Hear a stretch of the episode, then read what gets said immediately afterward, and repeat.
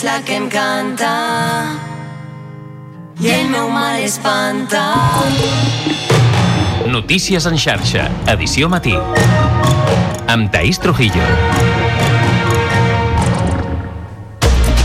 Dia. Les dutxes de gimnasos i complexos esportius que tinguin piscina o que necessitin regar gespa es tancaran el mes que ve. És el que preveu el govern si el sistema Ter Llobregat entra en fase d'emergència, com apunten tots els indicis. El pla especial de sequera també inclouria altres mesures, com deixar en suspens la posada en marxa de nous hotels, fàbriques o granges. Tot plegat mentre continua el degoteig de sancions de l'Agència Catalana de l'Aigua a municipis per superar el consum autoritzat. Sitges, Matadepera i Vallromana se sumen a les multes que ja han rebut Begú i Palau Saverdera. Així encapçalem el Notícies en xarxa d'aquest dimecres dia 13 de desembre i al punt a les 7 del matí repassem també altres titulars. El president de la Generalitat, Pere Aragonès, declara aquest matí a la ciutat de la justícia com a perjudicat per l'espionatge amb el programari Pegasus. Ho farà en el marc de la querella que ell mateix va presentar contra l'empresa propietària del sistema i l'exdirectora del CNI, Paz Esteban.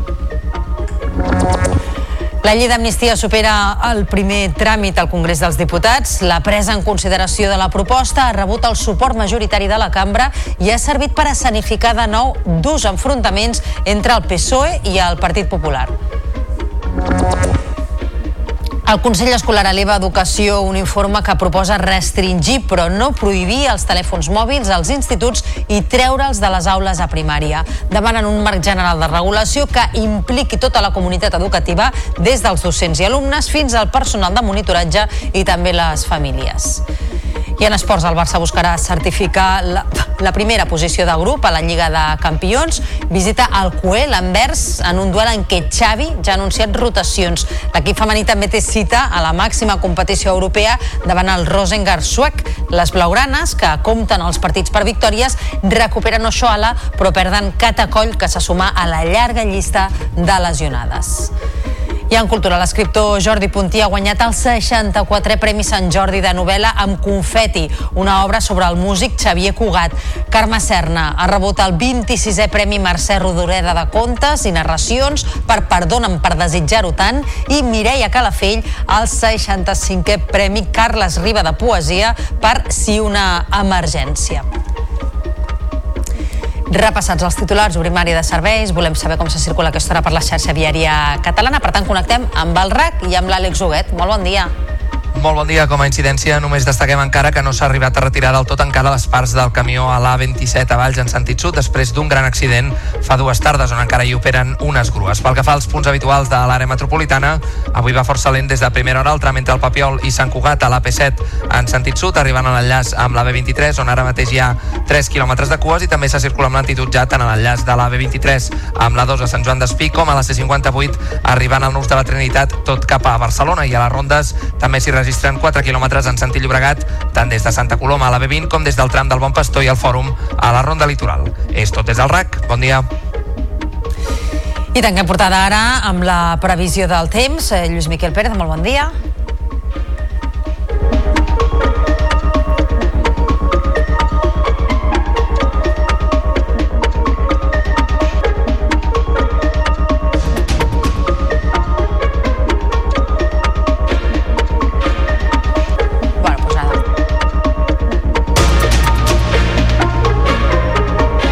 Notícies en xarxa, edició matí.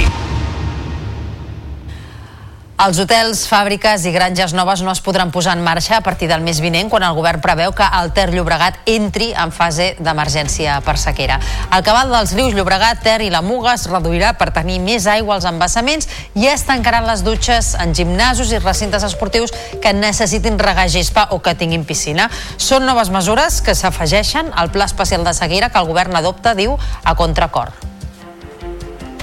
Els embassaments de la zona Ter Llobregat estan al 18% i quan arribin al 16% entrarem en fase d'emergència. El govern preveu que això passarà al gener, el mes vinent, i adopta més mesures. Per exemple, redueix els cabals ambientals del Llobregat, el Ter i la Muga i no permetrà posar en marxa granges i hotels nous. Ho ha explicat el conseller d'Acció Climàtica, David Mascort. El que farem serà prorrogar l'obertura en el cas que encara estiguem en emergència, d'acord? I sí, afectarà a totes les activitats intensives en l'ús d'aigua, El conseller Mascort ha dit que han expedientat 30 ajuntaments perquè encara malgasten aigua i no fan res per a millorar. Això sí, encara poden fer al·legacions. Hi ha ajuntaments que tenien unes, uns consums molt elevats i que estan fent moltes coses bé i estan reduint aquests consums. N'hi ha d'altres que no. Llavors, nosaltres el que hem de fer és sancionar els que no ho estan fent bé. Al gener es tancaran o es restringiran les dutxes en gimnasos i recintes esportius que necessitin regar gespa o que tinguin piscina. En canvi, es podran regar els arbres de les ciutats perquè no es morin i facin de refugis climàtics a l'estiu. I mentrestant continua el deuteig de sancions, com escoltàvem a municipis per accedir-se del consum d'aigua fixat en el context de sequera. Després dels casos de Begú i Palau-Saverdera, l'Agència Catalana de l'Aigua ha imposat també multes a Matadepera, Vallromanes i Sitges. En el cas del Garraf són 50.000 euros de sanció i el consistori s'excusa en el fet de l'increment de població que rep en temporada turística per justificar l'ús d'aigua per sobre dels límits permesos. És per això que ha posat els hotels al punt de mira com a grans consumidors. És una crònica de Canal Blau. Sitges té uns 30.000 habitants empadronats, però a l'agost l'ACA ha comptabilitzat 53.000 persones residint a Sitges per l'efecte turístic i al setembre 44.000.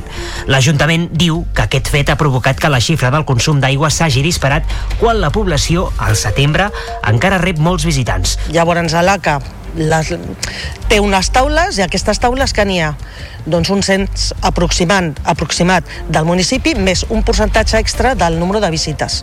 Llavors el canvi del mes d'agost al mes de setembre doncs ha canviat, s'ha reduït. Agost era molt més alt que el mes de setembre. I això és el que ens ha impactat no només a nosaltres sinó a tots els municipis. Eh? En paral·lel, l'Ajuntament de Sitges ha sol·licitat a l'ACA quins són els grans consumidors d'aigua de la vila i ha assenyalat que alguns d'aquests són els hotels. El Gremi d'Hostaleria de Sitges fa pedagogia perquè els seus clients limitin el consum. Pensem que no és eh, correcte fer com a gran consumidor a un allotjament que té molts clients, perquè aquest consum, en tot cas, s'ha de dividir entre tots els usuaris i els clients. Durant el mes d'octubre, Sitges també s'ha accedit en el consum, però l'Ajuntament de moment no ha rebut cap sanció. Davant la situació de sequera que viu el país, instaurar mesures que redueixen el malbaratament d'aigua és un dels passos més importants. Un exemple és el que la cooperativa Qualia porta a terme als menjadors escolars. Es tracta de reutilitzar l'aigua sobrant que genera a l'hora dels àpats escolars. N'informa l'Ariadna Sánchez des de Lleida TV reutilitzar l'aigua sobrant que genera l'hora del menjador. Aquesta és la iniciativa de la cooperativa Qualia, instaurada a diferents escoles del territori lleidatà.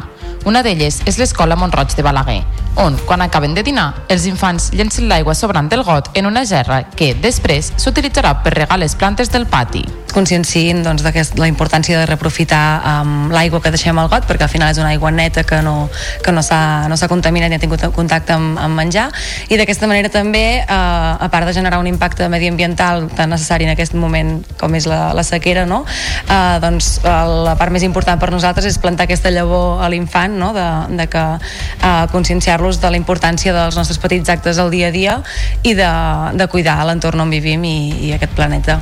La iniciativa va més enllà i per conscienciar sobre la quantitat d'aigua que es llença, els alumnes també apunten l'aigua recollida en cada àpat.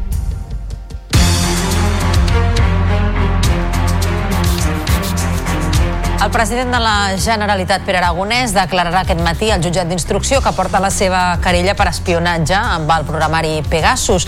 Es presentarà, per tant, a la ciutat de la justícia per compareixer com a perjudicat davant del jutge que investiga si va ser espiat a través del telèfon mòbil com altres dirigents independentistes. El president ja va assegurar que arribaria fins al final amb l'objectiu que mai més s'utilitzi l'espionatge contra la Generalitat de Catalunya per criminalitzar opcions polítiques democràtiques. Aquest dimarts, la portaveu de l'executiu, Patricia Plaja, ho ha reiterat. Cal arribar fins al final en aquesta causa i per això que el procés d'aquesta querella segueixi obert, estigui obert és una, una molt bona notícia. És fonamental que s'esclareixi tot que s'arribi fins al final que totes les autoritats implicades de l'Estat, si són, aportin tota la informació i que s'expliqui el per què, quin va ser el motiu pel que es va autoritzar l'espionatge en Pegasus, el que aleshores era el vicepresident del, del govern i ara president. No hi ha hagut sorpreses i la llei d'amnistia ha superat el primer tràmit al Congrés dels Diputats. La presa en consideració de la proposta ha rebut el suport majoritari de la cambra i ha servit per escenificar de nous durs enfrontaments entre el PSOE i el Partit Popular. N'ha seguit tots els detalls el nostre company Marc Pijuan. La llei d'amnistia ha arribat aquest dimarts per primera vegada al ple del Congrés dels Diputats. En el seu Parlament, el portaveu del Partit Socialista, Patxi López, ha defensat la mesura com a pas per seguir avançant i obrir un nou temps per al retrobament. Nosotros lo que pretendemos es cambiar el guión y salir de un enfrentamiento infinito y sin solución para devolver a la política lo que solo la política ya puede puede resolver. El líder de l'oposició, Alberto Núñez Feijóo, per contra, ha assegurat que la sessió per aprovar la llei d'amnistia és la més trista des de la viscuda el 23 de febrer de 1981. El Popular ha anunciat una comissió d'investigació sobre els pactes del PSOE amb els partits independentistes i ha defensat el seu no a les votacions. Esta ley de amnistía es un fraude supone una regresión democrática, es contraria a la separación de poderes y es una humillación al pueblo español. Els partits catalans del Congrés, de la seva banda, han assegurat que l'amnistia servirà per fer justícia i que en cap cas suposa una renúncia a un referèndum ni a la independència. Escoltem Josep Maria Cervera de Junts i Gabriel Rufián d'Esquerra Republicana. En cap cas significarà que el nostre poble oblida i perdona. En cap cas serà una renúncia a la independència de Catalunya. A Catalunya estem preparats i preparades per guanyar o per perdre un referèndum. I vostès? Una sessió, per cert, sense el president del govern espanyol, Pedro Sánchez, la Moncloa, l'ha excusat per la reunió que mantenia aquest dimarts a la tarda amb el rei Abdalà de Jordània. I pel que fa a un altre dels compromisos del PSOE amb els partits independentistes, el català a Europa, Espanya ha informat que ja ha tingut converses amb Bèlgica que ostentarà la pròxima presidència del Consell de la Unió Europea per mantenir l'oficialitat del català, el basc i el gallec com a proposta en l'agenda. L'executiu espanyol ha remarcat que els treballs per modificar el règim lingüístic de la Unió Europea continuaran i ha reivindicat el compromís dels estats membres perquè la proposta tiri endavant.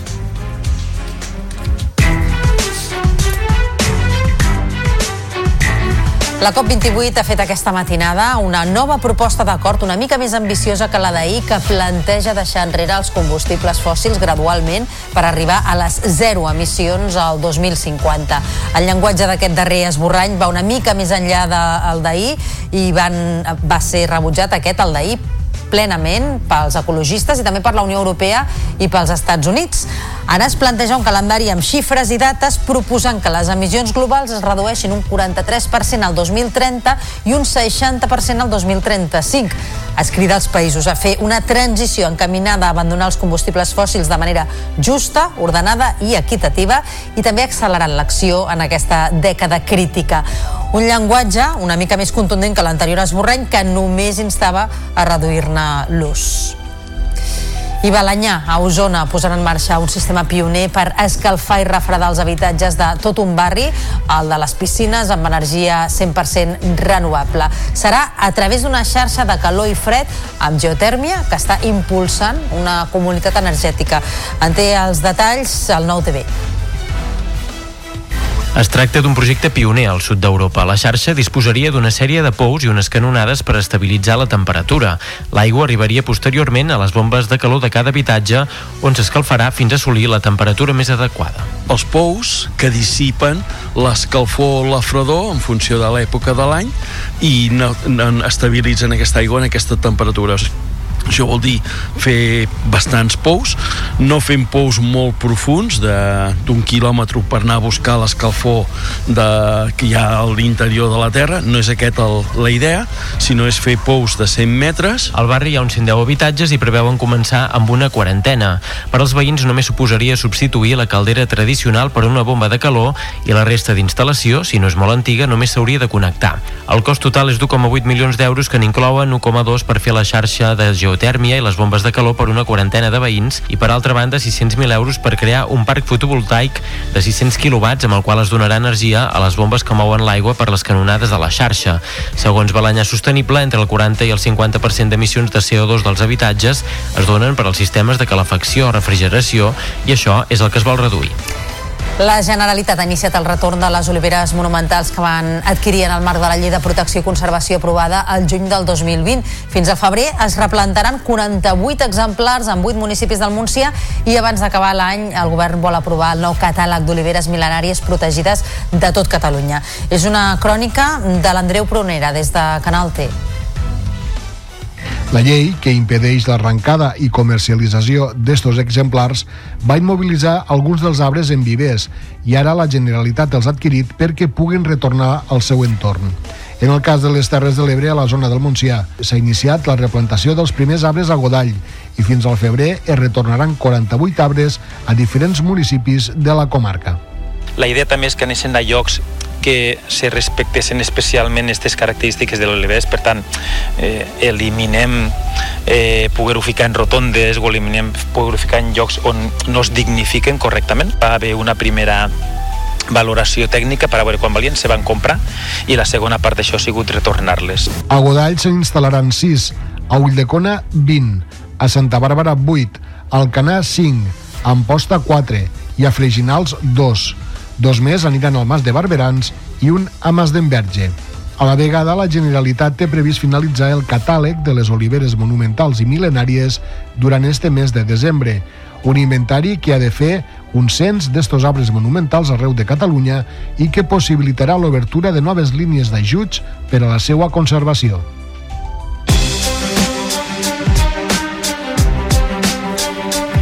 Passarà un minut d'un quart de vuit del matí i el Consell Escolar aposta per escoles lliures de mòbils a primària i restringir-los a secundària i així ho ha elevat el Departament d'Educació. La proposta del Consell és que l'ús dels telèfons es restringeixi per etapes de manera que estiguin prohibits a primària i hi hagi més restriccions a l'ESO que als ensenyaments eh, postobligatoris. També s'apunta que la regulació ha d'afectar tota la comunitat educativa. Amb aquest document del Consell com a base, el Departament redactarà unes instruccions que es faran arribar a tots els centres al mes de gener per tal que s'impulsi el debat amb les famílies i s'adapti a la realitat de cada escola o institut. I segona jornada de protesta avui dels professionals eh, sanitaris. La vaga indefinida convocada pel sindicat Infermeres de Catalunya coincideix amb l'aturada de dos dies ahir i avui del personal de l'ICS. Unes aturades que han fet sortir del carrer més de 5.000 persones i que s'han fet notar especialment en els centres d'atenció primària.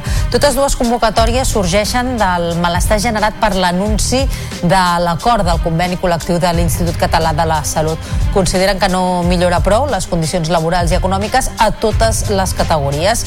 Segons eh, Salut, el seguiment de la vaga aquest primer dia ha estat d'un 9%. Aquest matí les mobilitzacions es desplaçaran fins al Parlament de Catalunya i demanem que es tinguin en consideració les nostres reclamacions perquè volem que hi hagi un canvi, perquè les infermeres fa molts anys que reclamem moltes coses i no se'ns té mai en consideració. Volem ser reconegudes com A1 de categoria. Per altra banda, tenim les especialitats reconegudes, però això no se'n reconeix com a, a nivell econòmic. Volem una reducció de ràtios, és a dir, volem que cada infermera hagi d'atendre menys malalts dels que, dels que té atesos. Val?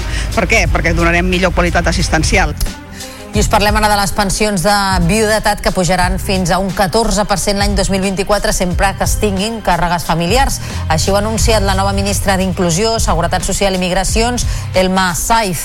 A més, les pensions mínimes també es revaloritzaran entre un 5 i un 7% l'any que ve. En general, la pujada de les pensions serà del 3,8% i es veurà millorada en el cas de les mínimes i no contributives, així com en l'ingrés mínim vital que es revaloritzarà un 6,9%.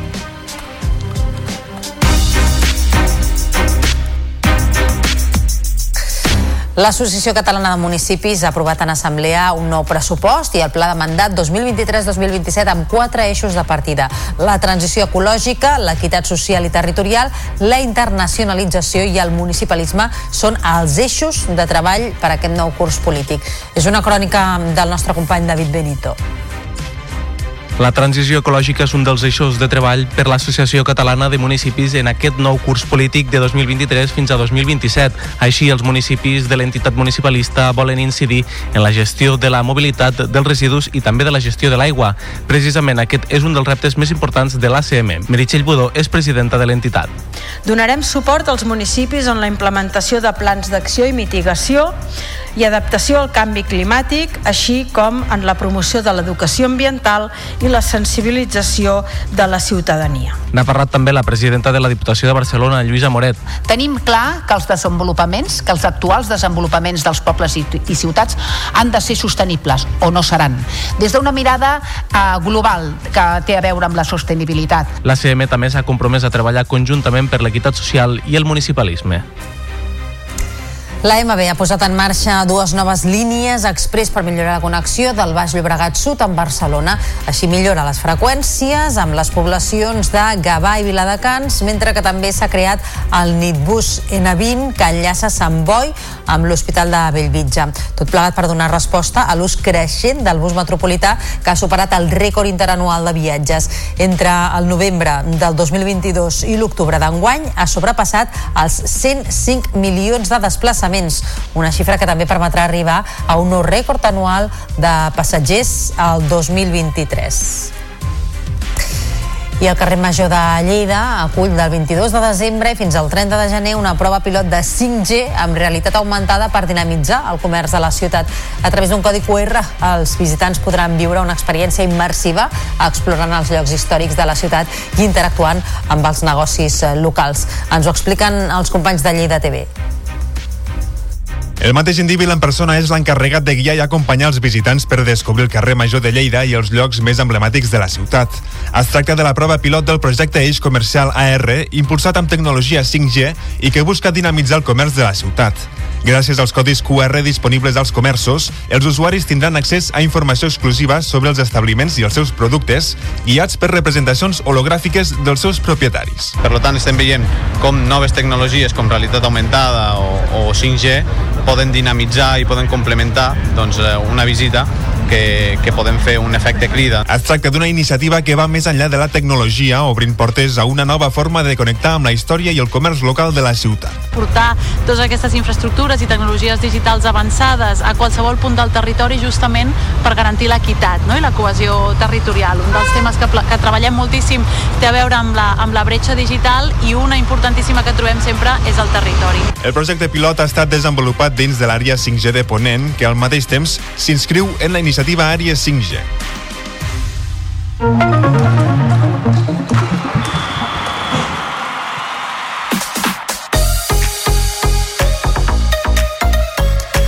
Barça buscarà segellar aquesta nit la primera posició del grup a la Lliga de Campions. Juga a partir de les 9 al camp del Coel, Anvers, que ha perdut tots els partits. Els de Xavi només perdrien el lideratge en cas de derrota i que el Shakhtar golegés el Porto. Finalment, Xavi s'ha endut tots els disponibles, inclosos Lewandowski, Araujo i Gundogan, per fer pinya. Per contra, no ha viatjat De Jong amb un procés víric.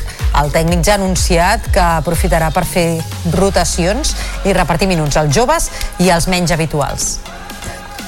Important acabar bé la fase de, de grups, crec que és una oportunitat per recuperar el resultat, seguir, seguir jugant bé a futbol, crec que el dia del Girona també vam estar bé, eh, no en el resultat però sí en el joc, i recuperar sensacions, potser més oportunitat a, donar oportunitat a gent jove, gent que porta eh, menys, menys minuts últimament, eh, bé, és una oportunitat per acabar molt bé aquesta fase de grups, hem fet molt bé els deures, estem classificats, però volem guanyar. També té cita a la Champions l'equip femení que visita a tres quarts de set al Rosengar suec. Després d'haver sumat dues victòries als dos primers partits, un nou triomf deixaria molt encaminada la classificació per als quarts de final. Ochoala, amb l'alta mèdica, torna a la convocatòria. Per contra, la portera Catacoll, amb unes 15 al turmell dret, se suma a la llarga llista d'absències formada per Paredes, Alexia, Rolfo, Mapi i Jana. Els tres equips catalans que disputen la Copa del Rei ja coneixen els rivals dels setzents de final. El Barça debutarà a la competició a camp del Barbastre de la segona federació el dia 7 de gener. El conjunt aragonès ve d'eliminar l'Almeria de primera. Per altra banda, el Girona visitarà l'Elx de segona, mentre que l'Espanyol jugarà a casa davant el Getafe. Tots dos partits es disputaran el dia de Reis. I el Barça tanca la primera volta de la Lliga Sobal com a campió d'hivern havent cedit un sol empat en 15 jornades. Els blaugranes van superar sense problemes el Port Segon per 41 a 24 en l'últim partit de l'any al Palau Blaugrana. Els de Carlos Ortega van dominar sempre el marcador malgrat la resistència dels valencians al primer quart d'hora. Blas Jank, que reapareixia després d'una lumbàlgia, va fer 5 gols. La jornada s'ha avançat per la disputa de la Copa d'Espanya aquest cap de setmana que perilla per un conflicte entre la Soval i la Federació Espanyola. Sigui com sigui, Blas Jank celebrava el triomf abans d'afrontar la lluita per un nou títol. Estoy muy contento. Uh, en principio uh, no hemos estado tan concentrados y después poco a poco uh, hemos ganado fácil, todo el mundo contento y ahora podemos preparar bien para fin de semana, para Copa y espero que ganamos otro título. També va jugar el Freiking Granollers, que com el Barça afronta la Copa el proper cap de setmana. Els ballesans van empatar a 29 amb el Benidorm i aquest punt serveix perquè assegurin la tercera plaça, però manté l'equip sense cap victòria en els darrers tres partits. Demà els granollerins coneixeran amb qui es jugaran l'accés a les semifinals de la Copa. El seu rival serà un dels dos caps de sèrie, el Vidasoa o el Barça.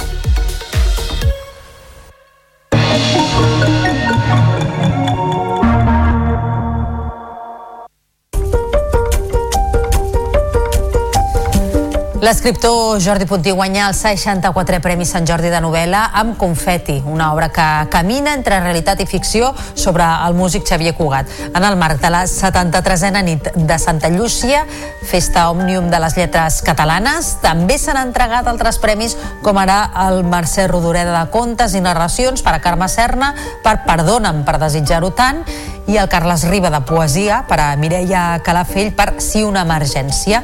En recollir el premi, l'escriptor Jordi Puntí ha reivindicat el poder de la ficció en les vides humanes.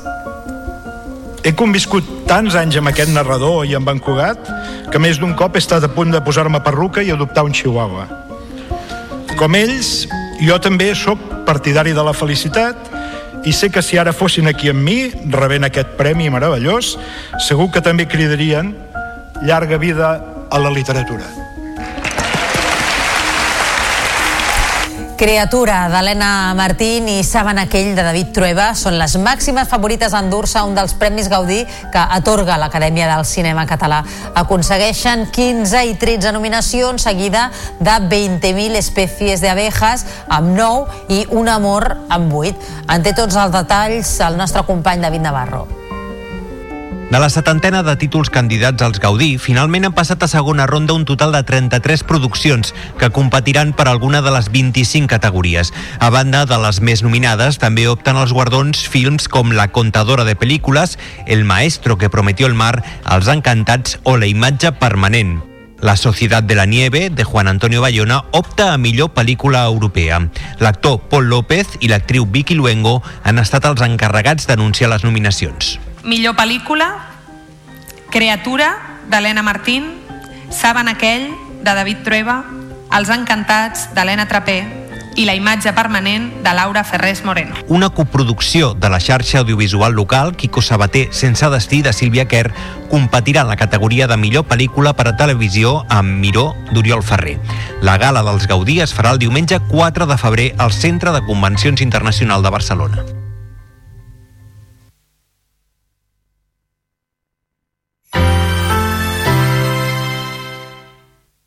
La xarxa de comunicació local. Hi ha llocs on no se celebra el Nadal? Nadal és una festa cristiana. Per això, als països on aquesta religió no és majoritària, és normal que no s'hi organitzin festes. No obstant això, el cristianisme ha tingut una gran influència en el món, de manera que fins i tot en llocs on no es practica poden celebrar el Nadal. Hem de portar-nos millor per Nadal?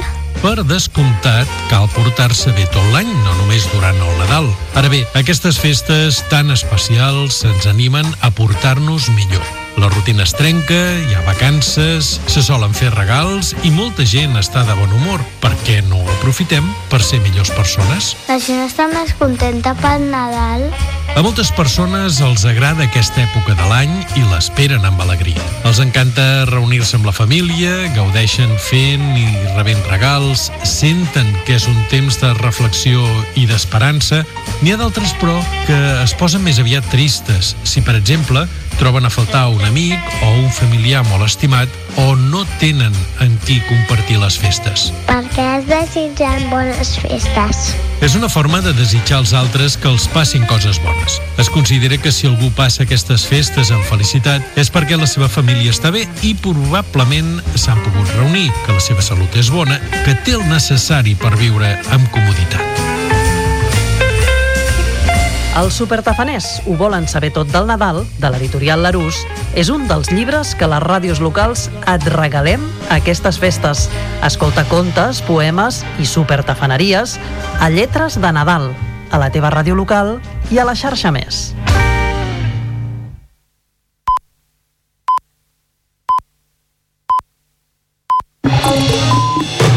Notícies en xarxa, edició matí.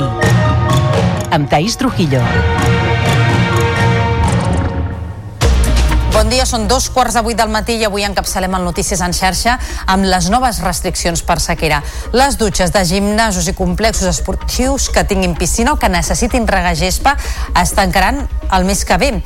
És el que preveu el govern si el sistema Ter Llobregat entra en fase d'emergència com apunten tots els indicis. El pla especial de sequera també inclouria altres mesures com deixar en suspens la posada en marxa de nous hotels, fàbriques o granges. Tot plegat mentre continua el degoteig de sancions de l'Agència Catalana de l'Aigua a municipis per superar el consum autoritzat. Sitges, Matadepera i Vallromanes se sumen a les multes que ja han rebut Begú i Palau-Saverdera. De seguida us ho ampliem, abans però repassem també altres titulars d'aquest dimecres, dia 13 de desembre. El president de la Generalitat, Pere Aragonès, declara aquest matí a la Ciutat de la Justícia com a perjudicat per l'espionatge amb el programari Pegasus. Ho faran al marc de la querella que ell mateix va presentar contra l'empresa propietària del sistema i l'exdirectora del CNI, Paz Esteban. La llei d'amnistia supera el primer tràmit al Congrés dels Diputats. La presa en consideració de la proposta ha rebut el suport majoritari de la cambra i ha servit per escenificar de nou durs enfrontaments entre el PSOE i el Partit Popular. El Consell Escolar eleva a Educació un informe que proposa restringir, però no prohibir, els telèfons mòbils als instituts i treure'ls de les aules a primària. Demanen un marc general de regulació que impliqui tota la comunitat educativa, des dels docents i els alumnes fins al personal de monitoratge i també les famílies. I en esports, el Barça buscarà certificar la primera posició del grup a la Lliga de Campions. Visita el Coel Anvers en un duel en què Xavi ja ha anunciat rotacions. L'equip femení també té cita a la màxima competició europea davant el Rosengar suec. Les blaugranes, que compten els partits per victòries, recuperen Oshoala, però perden Catacoll, que se suma a la llarga llista de lesionades. I en cultura, l'escriptor Jordi Puntí ha guanyat el 64è Premi Sant Jordi de novel·la amb Confeti, una obra sobre el músic Xavier Cugat.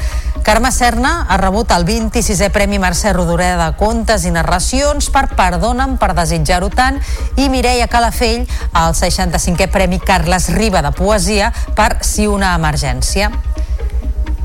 Repassats els titulars, ara obrim plana de serveis amb el trànsit. Segons el RAC, a aquesta hora l'avaria d'un vehicle en sentit nord al tram entre Barberà i Cerdanyola del Vallès a l'AP7 complica la circulació durant dos quilòmetres perquè es talla un carril.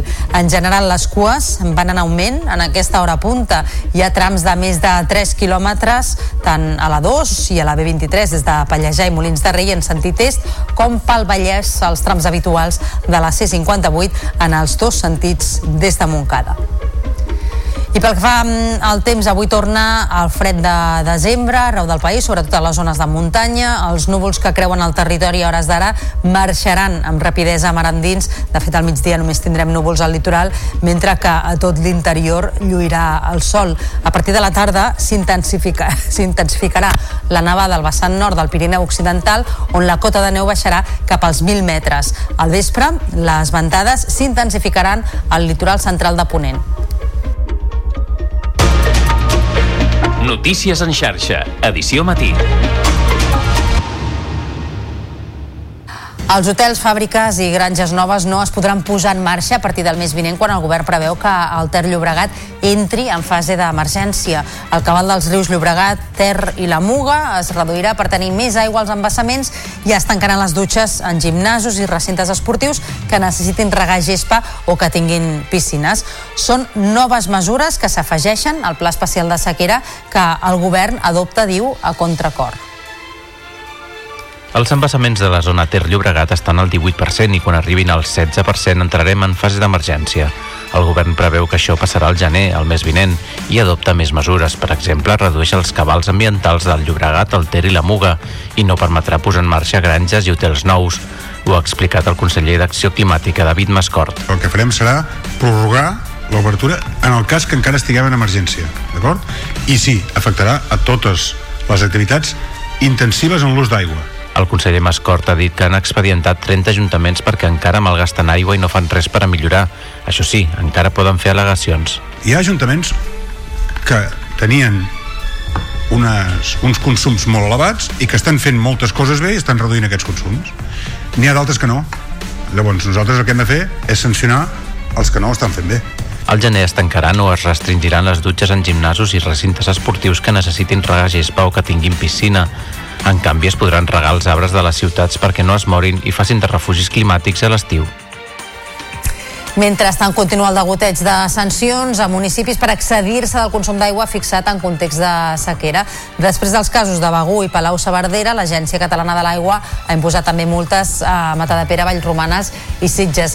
En el cas d'aquest municipi del Garraf són 50.000 euros de sanció i el consistori s'excusa en el fet de l'increment de la població que rep en temporada turística per justificar l'ús d'aigua per sobre dels límits permesos. És per això que ha posat els hotels al punt de mira com a grans consumidors consumidors. És una crònica de Canal Blau.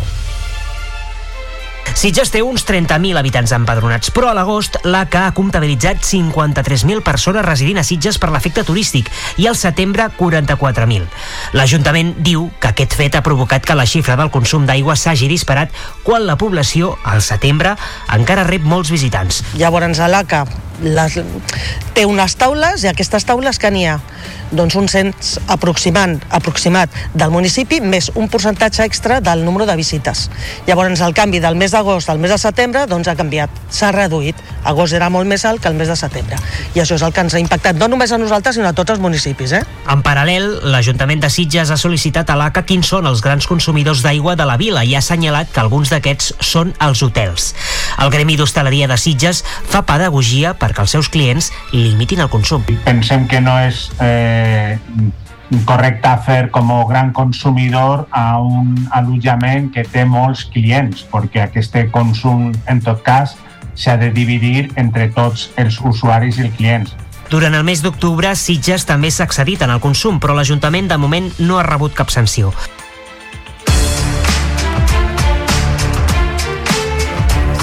Passen ara 7 minuts de dos quarts de 8 del matí. El president de la Generalitat, Pere Aragonès, declararà aquest matí al jutjat d'instrucció que porta la seva querella per l'espionatge amb el programari Pegasus. Es presentarà, per tant, a la ciutat de la justícia per compareixer com a perjudicat davant del jutge que investiga si va ser espiat a través del telèfon mòbil com altres dirigents independentistes.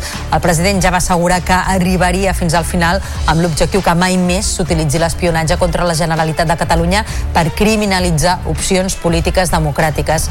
Aquest dimarts, la portaveu de l'executiu, Patricia Plaja, ho ha reiterat. Cal arribar fins al final en aquesta causa i per això que el procés d'aquesta querella segueixi obert, estigui obert, és una, una molt bona notícia. És fonamental que s'esclareixi tot, que s'arribi fins al final que totes les autoritats implicades de l'Estat, si són, aportin tota la informació i que s'expliqui el per què, quin va ser el motiu pel que es va autoritzar l'espionatge en Pegasus el que aleshores era el vicepresident del, del govern i ara president. No hi ha hagut sorpreses i la llei d'amnistia ha superat el primer tràmit al Congrés dels Diputats. La presa en consideració de la proposta ha rebut el suport majoritari de la cambra i ha servit per escenificar de nou durs enfrontaments entre el PSOE i el Partit Popular. De la seva banda, Esquerra i Junts han fixat el referèndum com a objectiu. N'ha seguit tots els detalls el Marc Pijuan.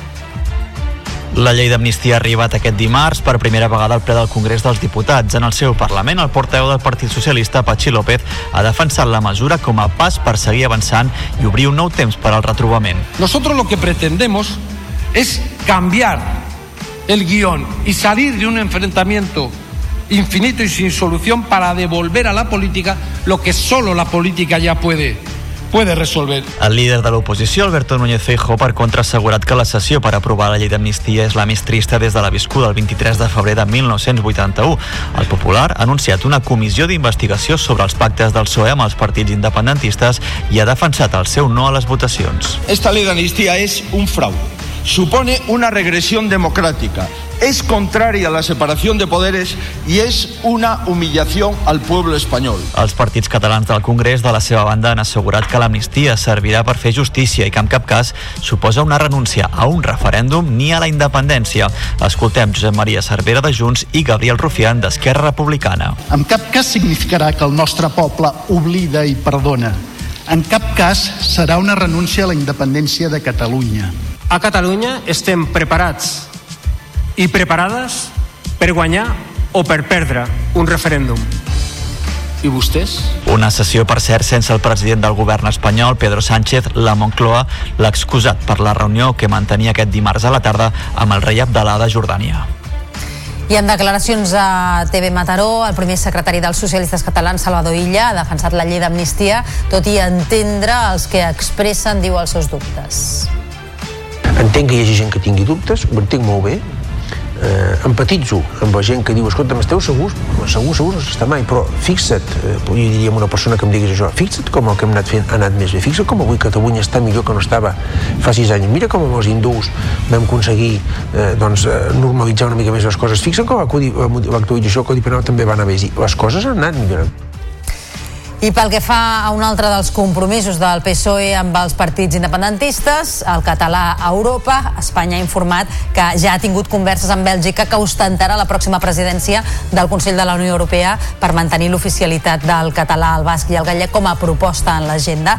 L'executiu espanyol ha remarcat que els treballs per modificar el règim lingüístic de la Unió Europea continuaran i ha reivindicat el compromís dels estats membres perquè la proposta tiri endavant.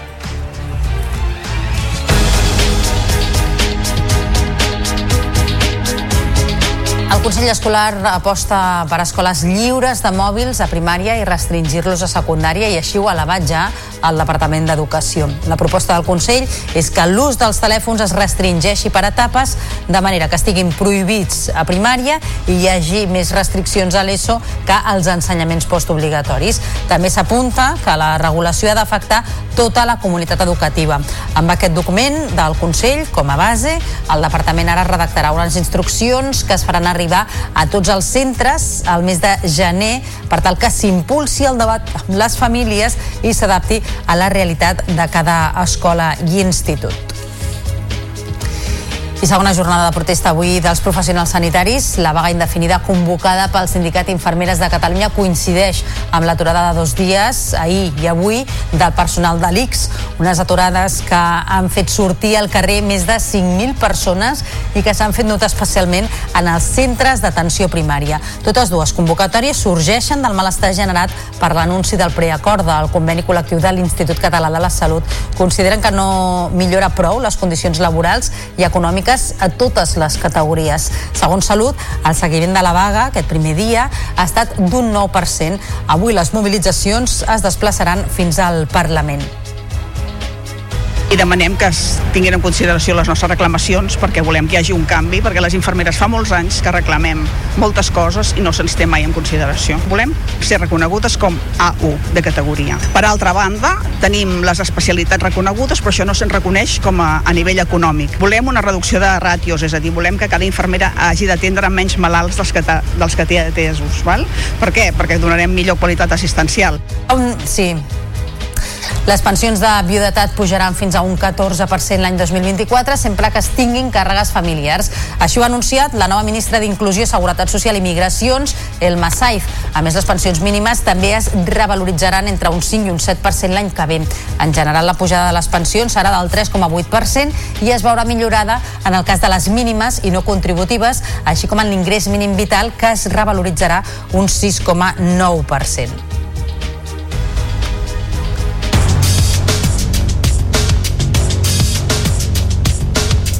Camí ara de 3 quarts de 8 del matí, falten dos minuts. La COP28 ha fet aquesta matinada una nova proposta d'acord una mica més ambiciosa que la d'ahir i que planteja deixar enrere els combustibles fòssils gradualment per arribar a les zero emissions al 2050. El llenguatge d'aquest darrer esborrany va una mica més enllà que el d'ahir i que van rebutjar de ple els ecologistes i també la Unió Europea i els Estats Units. Ara es planteja un calendari amb xifres i dates proposant que les emissions globals es redueixin un 43 3% al 2030 i un 60% al 2035. Es crida als països a fer una transició encaminada, abandonar els combustibles fòssils de manera justa, ordenada i equitativa i accelerant l'acció en aquesta dècada crítica. És un llenguatge una mica més contundent que l'anterior esborrany, que només instava a reduir-ne l'ús d'aquests combustibles fòssils. I l'Associació Catalana de Municipis ha aprovat en assemblea un nou pressupost i el pla de mandat 2023-2027 amb quatre eixos de partida. La transició ecològica, l'equitat social i territorial, la internacionalització i el municipalisme són els eixos de treball per a aquest nou curs polític. És una crònica del nostre company David Benito. La transició ecològica és un dels eixos de treball per l'Associació Catalana de Municipis en aquest nou curs polític de 2023 fins a 2027. Així, els municipis de l'entitat municipalista volen incidir en la gestió de la mobilitat dels residus i també de la gestió de l'aigua. Precisament aquest és un dels reptes més importants de l'ACM. Meritxell Budó és presidenta de l'entitat. Donarem suport als municipis en la implementació de plans d'acció i mitigació i adaptació al canvi climàtic, així com en la promoció de l'educació ambiental i la sensibilització de la ciutadania. N'ha parlat també la presidenta de la Diputació de Barcelona, Lluïsa Moret. Tenim clar que els desenvolupaments, que els actuals desenvolupaments dels pobles i, i ciutats han de ser sostenibles, o no seran. Des d'una mirada eh, global que té a veure amb la sostenibilitat. La CM també s'ha compromès a treballar conjuntament per l'equitat social i el municipalisme. L'AMB ha posat en marxa dues noves línies express per millorar la connexió del Baix Llobregat Sud amb Barcelona. Així millora les freqüències amb les poblacions de Gavà i Viladecans, mentre que també s'ha creat el NIT Bus N20 que enllaça Sant Boi de l'Hospital Sant Boi de Llobregat amb l'Hospital de Bellvitge. Tot plegat per donar resposta a l'ús creixent del bus metropolità que ha superat el rècord interanual de viatges. Entre el novembre del 2022 i octubre d'enguany ha sobrepassat els 105 milions de desplaçaments, una xifra que també permetrà arribar a un nou rècord anual de passatgers al 2023.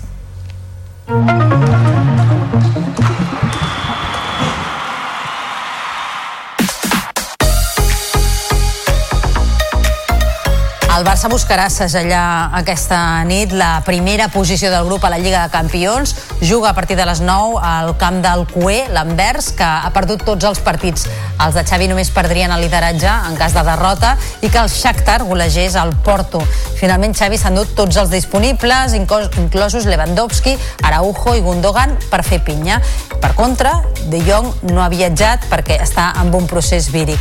El tècnic ja ha anunciat que aprofitarà per fer rotacions i per repartir minuts als joves i als menys habituals. Important acabar bé la fase de, de grups, crec que és una oportunitat per recuperar el resultat, seguir seguir jugant bé a futbol, crec que el dia del Girona també vam estar bé, eh, no en el resultat però sí en el joc, i recuperar sensacions, potser més oportunitat a, donar oportunitat a gent jove, gent que porta eh, menys, menys minuts últimament, eh, bé, és una oportunitat per acabar molt bé aquesta fase de grups, hem fet molt bé els deures, estem classificats, però volem guanyar. També té cita a la Champions l'equip femení que visita a tres quarts de set el Rosengar suec. Després d'haver sumat dues victòries als dos primers partits, un nou triomf deixaria molt encaminada la classificació per als quarts de final. Ochoala, amb l'alta mèdica, torna a la convocatòria i, per contra, la portera Catacoll, amb un esquins al turmell dret, se suma a la llarga llista d'absències formada per Paredes, Alexia, Rolfo, Mapi i Jana. I els tres equips catalans que disputen la Copa del Rei ja coneixen els rivals dels setzents de final. El Barça debutarà a la competició a camp del Barbastre de la segona federació el dia 7 de gener. El conjunt aragonès eh, ve d'eliminar l'Almeria de primera i per altra banda el Girona visitarà l'Elx de segona, mentre que l'Espanyol jugarà a casa davant el Getafe. Tots dos partits es jugaran el dia de Reis. L'Espar Girona i el Cadí la Seu comencen aquest vespre la disputa dels setzents de final de l'Eurocup de bàsquet que es disputen a doble partit. Les urgellenques viatgen a Bèlgica per enfrontar-se al Castors Brain a partir de les 8. L'equip buscarà un resultat favorable, tot i les baixes. Pirineus Televisió, Judit Pujol. El partit arriba amb la baixa de Brotons, Soler i el dubte de Zo Hernández pendent de proves per un mal gest al dit polze durant un entrenament. El conjunt urgellenc amb una nova victòria com a objectiu treballa per seguir creixent i corregir errors a la pista per ser més dures en, en, en defensa, eh, que ens falta aquesta duresa eh, mental, no sé si per joventut, no sé si per falta de costum de jugadores que venen eh, dels Estats Units, de la universitat, amb una altra dinàmica i bueno, ens està costant una mica eh, ser capaces de ser d'uses mentalment. No? Les rivals han aconseguit la victòria en quatre partits dels sis disputats en la fase regular un equip jove, ja porten algunes, alguns anys amb, amb l'equip, amb experiència, però jovenetes. Eh, tenen les dues americanes, que són Saxton i Lindstrom, que són dos molt bones jugadores. El partit d'anada entre el Castor Brain i el Cadí la Seu tindrà lloc a les 8 del vespre. Per altra banda, l'Espar Girona encetarà els setzents de l'Eurocup a les 6 de la tarda a la pista dels Exart hongarès. Les de Laura Antoja buscaran un bon resultat per mantenir-se invictes a la competició i aplanar el camí de cara a la tornada que jugarà la propera setmana a Fontejau. L'entrenadora de les gironines preveu un duel complicat. Aquestes eliminatòries d'anada i tornada són, tenen molta trampa perquè a no ser que realment tinguis un desgavell eh, amb poca diferència de punts tampoc és determinant. El que sí que has de fer són dos finals i a Hongria les coses seran complicades, seran dures, hem d'estar amb ganes de baralla, hem d'estar amb ganes de contacte i hem d'estar amb aquella sensació de que el partit pot ser trebat el joventut rep el cué de l'Eurocup, l'històric Olímpia de Ljubljana. Els eslovens no han guanyat cap dels 10 partits disputats, però van complicar molt les coses a la penya en l'anada. En aquella ocasió va decidir el duel una cistella de Feliz sobre la botzina.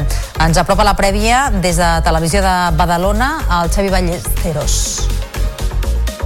La penya vol encadenar la cinquena victòria consecutiva per continuar creixent i agafant confiança de cara al tram final de la primera volta de la CB, quan es decideixen les places de la Copa del Rei. Carles Duran podrà tornar a disposar dels tres nord-americans junts i Deixón Thomas tornarà a tenir protagonisme. Els verdinegres han convertit el Palau Olímpic en un fortí i, sobretot, l'afició gaudeix amb l'espectacle que s'està veient a Badalona. Yeah, I think they have a good team. Crec que tenen un bon equip, van perdre un parell de partits igualats, però també en van guanyar un parell a l'ABA, un contra el Partizan, equip d'Eurolliga. Crec que tenen un equip molt bo i potser encara no ho tenen tot a punt, però crec que serà un partit dur i ens hem de preparar i fer-ho el millor possible i esperem poder guanyar-lo. El maig començarà un quart de nou del vespre. Jordi Rodríguez reapareixerà després de perdre's el darrer partit per un procés víric. A la Lliga ACB aquest vespre hi ha duel català entre el Barça i el Baxi Manresa al Palau amb partit avançat de la quinzena jornada. Després de la derrota a Saragossa, els blaugranes volen recuperar una bona dinàmica i mantenir-se forts al Palau. Els vegencs, per la seva banda, arriben encara amb opcions de classificar-se per a la Copa. El fet d'haver avançat la disputa d'aquesta jornada obligarà els de Pedro Martínez a disputar dos partits aquesta setmana. És un fet que no agrada al tècnic juguem dos partits entre setmana perquè al Barça li anava bé adelantar el partit, no a nosaltres, a nosaltres ens va malament perquè després estem quasi dues setmanes sense jugar, diguem, no? Però bueno, eh, el calendari ve com ve, decideix, la CB decideix com tenim que jugar i quan tenim que jugar i nosaltres ens adaptem. El Barça tanca la primera volta de la Lliga Sobal com a campió d'hivern, havent cedit un sol empat en 15 jornades. Els blaugranes van superar sense problemes el Port Segon per 41 a 24 en l'últim partit de l'any al Palau Blaugrana. Els de Carlos Ortega van dominar sempre el marcador, malgrat la resistència dels valencians al primer quart d'hora.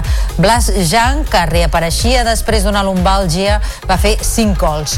La jornada s'ha avançat per la disputa de la Copa d'Espanya aquest cap de setmana, que perilla per un conflicte entre la Soval i la Federació Espanyola. Sigui com sigui, Blas Jank celebrava el triomf abans d'afrontar la lluita per un nou títol. Estoy muy contento. Uh, en principio uh, no hemos estado tan concentrados y después poco a poco uh, hemos ganado fácil, todo el mundo contento y ahora podemos preparar bien para fin de semana, para Copa y espero que ganamos otro título.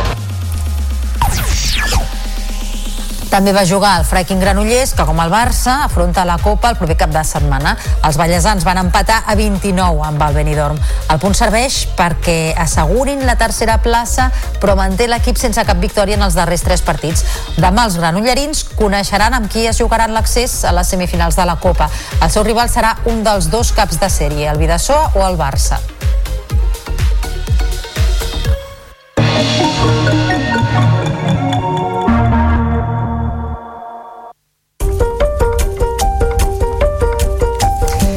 L'escriptor Jordi Puntí guanya el 64è Premi Sant Jordi de novel·la amb Confeti, una obra que camina entre realitat i ficció sobre el músic Xavier Cugat. En el marc de la 73a nit de Santa Llúcia, festa òmnium de les lletres catalanes, també s'han entregat altres premis com ara el Mercè Rodoreda de Contes i Narracions per a Carme Serna per Perdona'm per desitjar-ho tant i el Carles Riba de Poesia per a Mireia Calafell per Si una emergència. En recollir el premi l'escriptor Jordi Puntí ha reivindicat el poder de la ficció en les vides humanes. He conviscut tants anys amb aquest narrador i amb en Cugat que més d'un cop he estat a punt de posar-me perruca i adoptar un chihuahua. Com ells, jo també sóc partidari de la felicitat i sé que si ara fossin aquí amb mi, rebent aquest premi meravellós, segur que també cridarien llarga vida a la literatura. Criatura d'Helena Martín i Saben aquell de David Trueba són les màximes favorites a endur-se un dels Premis Gaudí que atorga l'Acadèmia del Cinema Català. Aconsegueixen 15 i 13 nominacions seguides de 20.000 espècies d'abejas amb 9 i Un amor amb 8. En té tots els detalls el nostre company David Navarro. De la setantena de títols candidats als Gaudí, finalment han passat a segona ronda un total de 33 produccions que competiran per alguna de les 25 categories. A banda de les més nominades, també opten els guardons films com La contadora de pel·lícules, El maestro que prometió el mar, Els encantats o La imatge permanent. La Societat de la Nieve, de Juan Antonio Bayona, opta a millor pel·lícula europea. L'actor Paul López i l'actriu Vicky Luengo han estat els encarregats d'anunciar les nominacions. Millor pel·lícula, Creatura, d'Helena Martín, Saben aquell, de David Trueba, Els encantats, d'Helena Trapé, i la imatge permanent de Laura Ferrés Moreno. Una coproducció de la xarxa audiovisual local, Quico Sabater, sense destí, de Sílvia Kerr, competirà en la categoria de millor pel·lícula per a televisió amb Miró d'Oriol Ferrer. La gala dels Gaudí es farà el diumenge 4 de febrer al Centre de Convencions Internacional de Barcelona. I ja s'ha presentat l'edició 2024 del Festival de Músiques Disperses al MUT, que se celebrarà del 14 al 17 de març a Lleida. Comptarà amb un cartell neofolk molt potent, amb artistes de reconeguda trajectòria i també noves propostes que s'obren camí en el folk modern. Des de Lleida TV ens ho expliquen es celebrarà del 14 al 17 de març de 2024 a diversos escenaris de la ciutat de Lleida, com són el Cafè del Teatre o el Teatre de l'Escorxador, i ja es coneixen els artistes. Que hem intentat tenir un equilibri entre artistes internacionals, artistes locals, um, hi ha artistes catalans, hi ha artistes que venen de, mirant també molt cap a l'Atlàntic. La barreja de sons emergents de River Omelet amb l'electrònica de Dengue Dengue Dengue, els sons folks de la música gallega de Luar Nalubre i Mercedes Peón o la combinació de folk ibèric amb música brasilera de Bixby i Judith Nederman seran alguns dels punts forts. Com a novetat enguany hi haurà un pack per poder comprar totes les entrades del festival amb descompte fins al 21 de gener.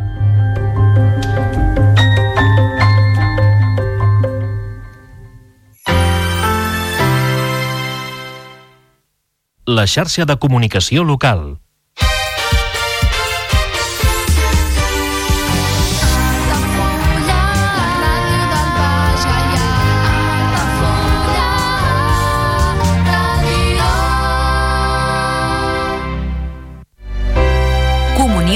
2024. Dates ja disponibles amb sales privades, jardí, pàrquing privat i la millor gastronomia. Més informació i reserves al 977 65 11 55 i a comercial arroba altafullamarotel.com o al web altafullamarotel.com. Les teves celebracions familiars a l'Altafulla Mar Hotel. Carrer Major, el programa de les emissores del Camp de Tarragona. Cada dia de 4 a 6 de la tarda, el que passa al Camp de Tarragona t'ho expliquem amb la major redacció d'un programa de territori quilòmetre zero. Periodisme de proximitat, continguts de qualitat, amb Anna Plaza i Toni Mateos. Carrer Major. Mira com s'estiren quan fa bo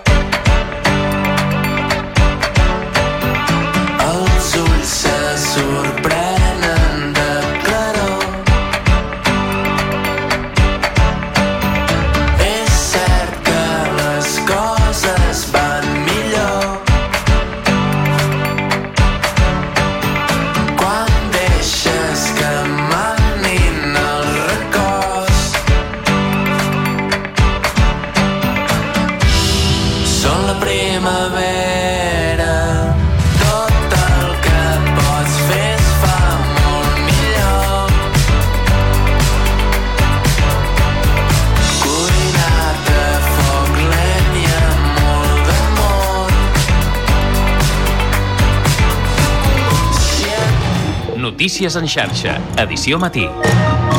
Amb Taís Trujillo.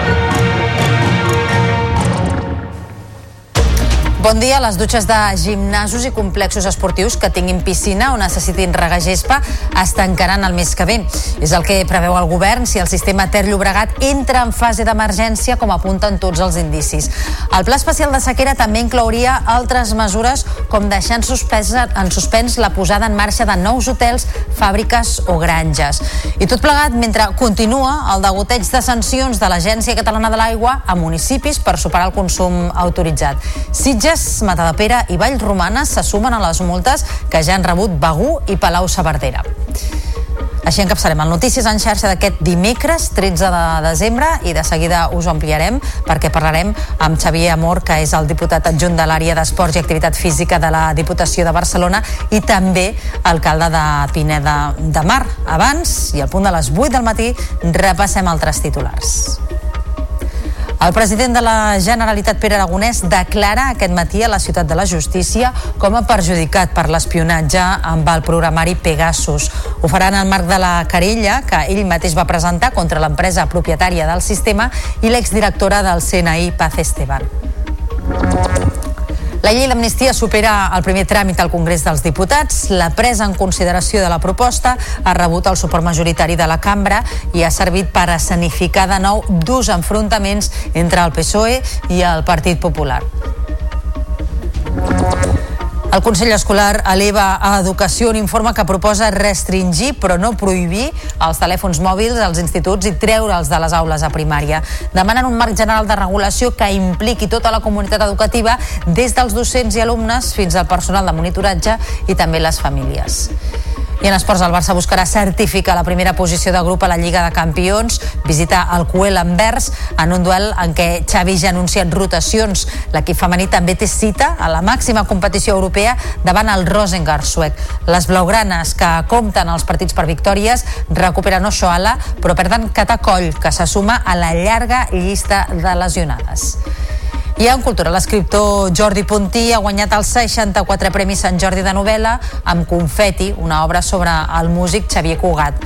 Carme Serna ha rebut el 26è Premi Mercè Rodoreda de Contes i Narracions per Perdona'm per desitjar-ho tant i Mireia Calafell el 65è Premi Carles Riba de Poesia per Si una emergència. Repassats els titulars, ara obrim àrea de serveis. En primer lloc volem saber com se circula aquesta hora a les 8 del matí per la xarxa viària catalana, per tant connectem amb el Servei Català de Trànsit. Finara, que bon dia.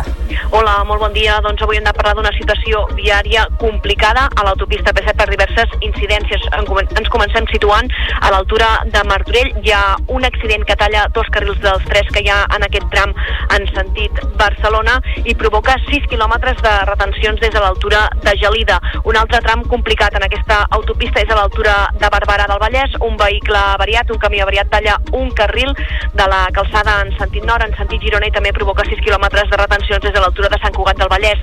Com a conseqüència d'aquesta incidència de retruc també hi ha afectació viària a la C58 de sortida de Barcelona entre Barcelona i Ripollet, 6 quilòmetres més d'aturades en aquesta C58. Hem de destacar que en aquest tram s'ha obert el carril Busbao a tots els vehicles per ajudar a descongestionar la situació. I acabarem situats també a l'autopista P7 hem de destacar una altra incidència a l'altura del Papiol. Hi ha un camió avariat al Boral que provoca també 6 quilòmetres de retencions des de l'altura de Sant Cugat del Vallès en sentit sud, en sentit Martorell. De moment això és el més destacat, molta precaució.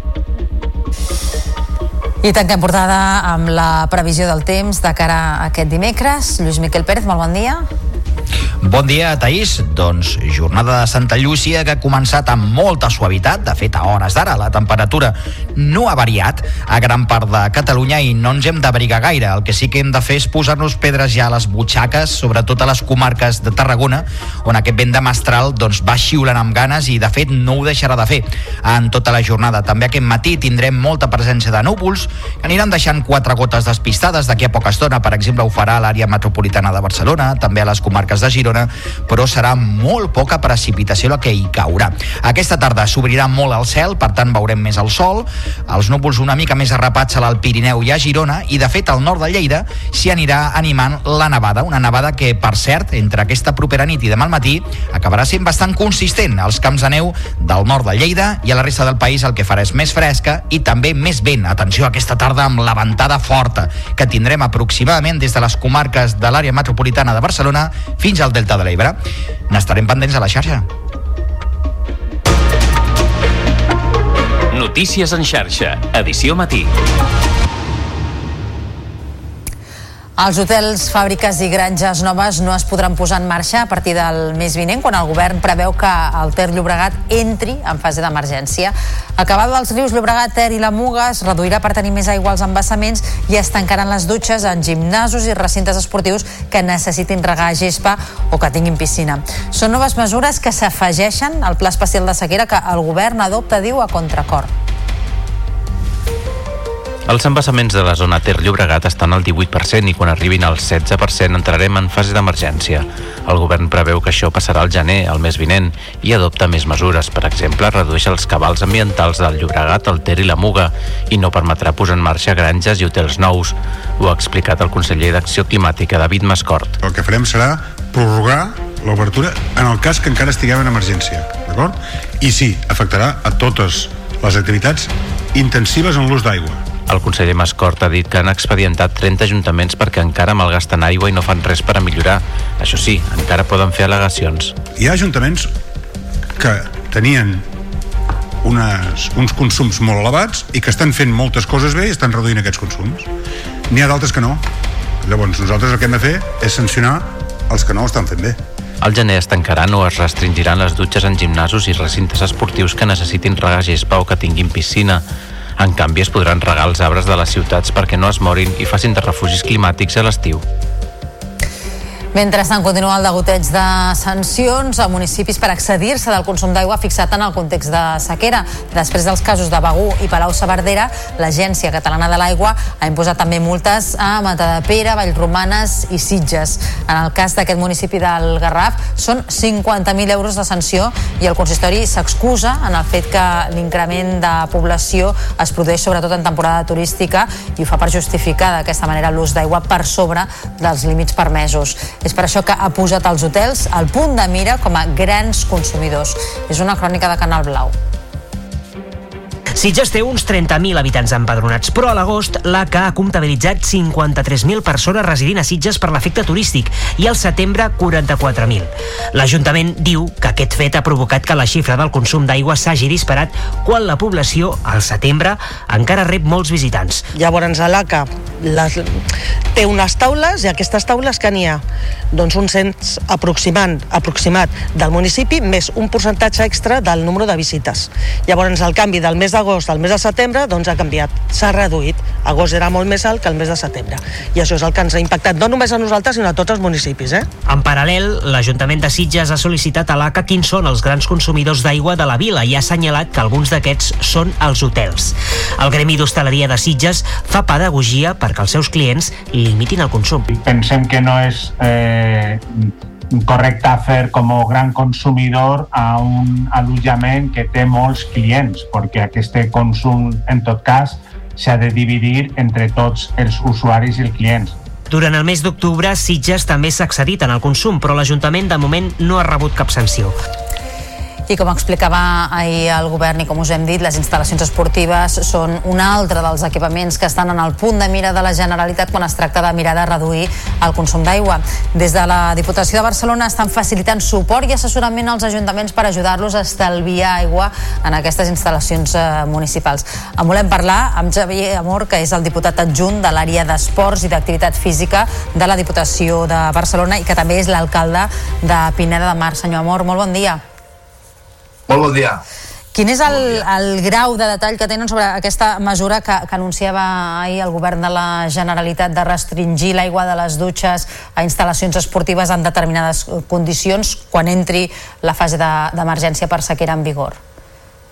Bé, tot just, miri, ho coneixíem pràcticament a la mateixa hora que estàvem fent eh, un seminari, precisament per eh, guiar una mica els ajuntaments per, per veure quines són aquestes mesures. Moltes vegades ens passa, eh? és a dir, es dicten, es dicten eh, mesures i els ajuntaments, malauradament, sense cap còdic de, de com ha de fer-se no? o com d'aplicar-se, doncs eh, hem de córrer. No? En aquest sentit, des de la Diputació, com sempre, estem al costat dels ajuntaments amb mesures no? doncs que, que, en, que ens tocarà aplicar amb algun dubte del que ha sortit a la premsa, no? perquè també veiem doncs, que la mesura aquesta de les dutxes potser té un impacte molt, molt petit, no? perquè al final eh, l'esportista o l'esportista es dutxarà segurament a casa seva, no? Per tant, jo, nosaltres creiem i pensem que hi ha doncs, eh, mesures molt més importants, estan en la xarxa, jo crec que, que la clau està en la, en la xarxa d'aigua que, que tenen els municipis i que moltes vegades representen les fuites eh, un tant per cent molt elevat de la pèrdua d'aquestes aigües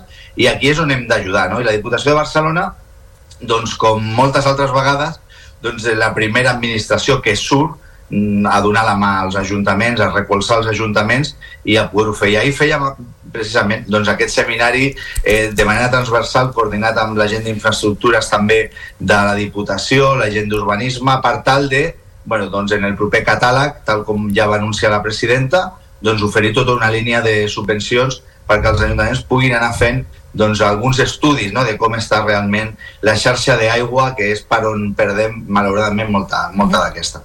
De seguida intentarem entrar en aquesta qüestió de la xarxa d'aigua, però tornant a aquesta mesura que anunciava ahir la Generalitat, expressa els seus dubtes so sobre l'impacte que pugui tenir aquest tancament de dutxes i pel que fa eh, al funcionament d'aquestes instal·lacions esportives i com de disruptiu pot ser la interrupció d'aquest servei, eh, quina opinió tenen?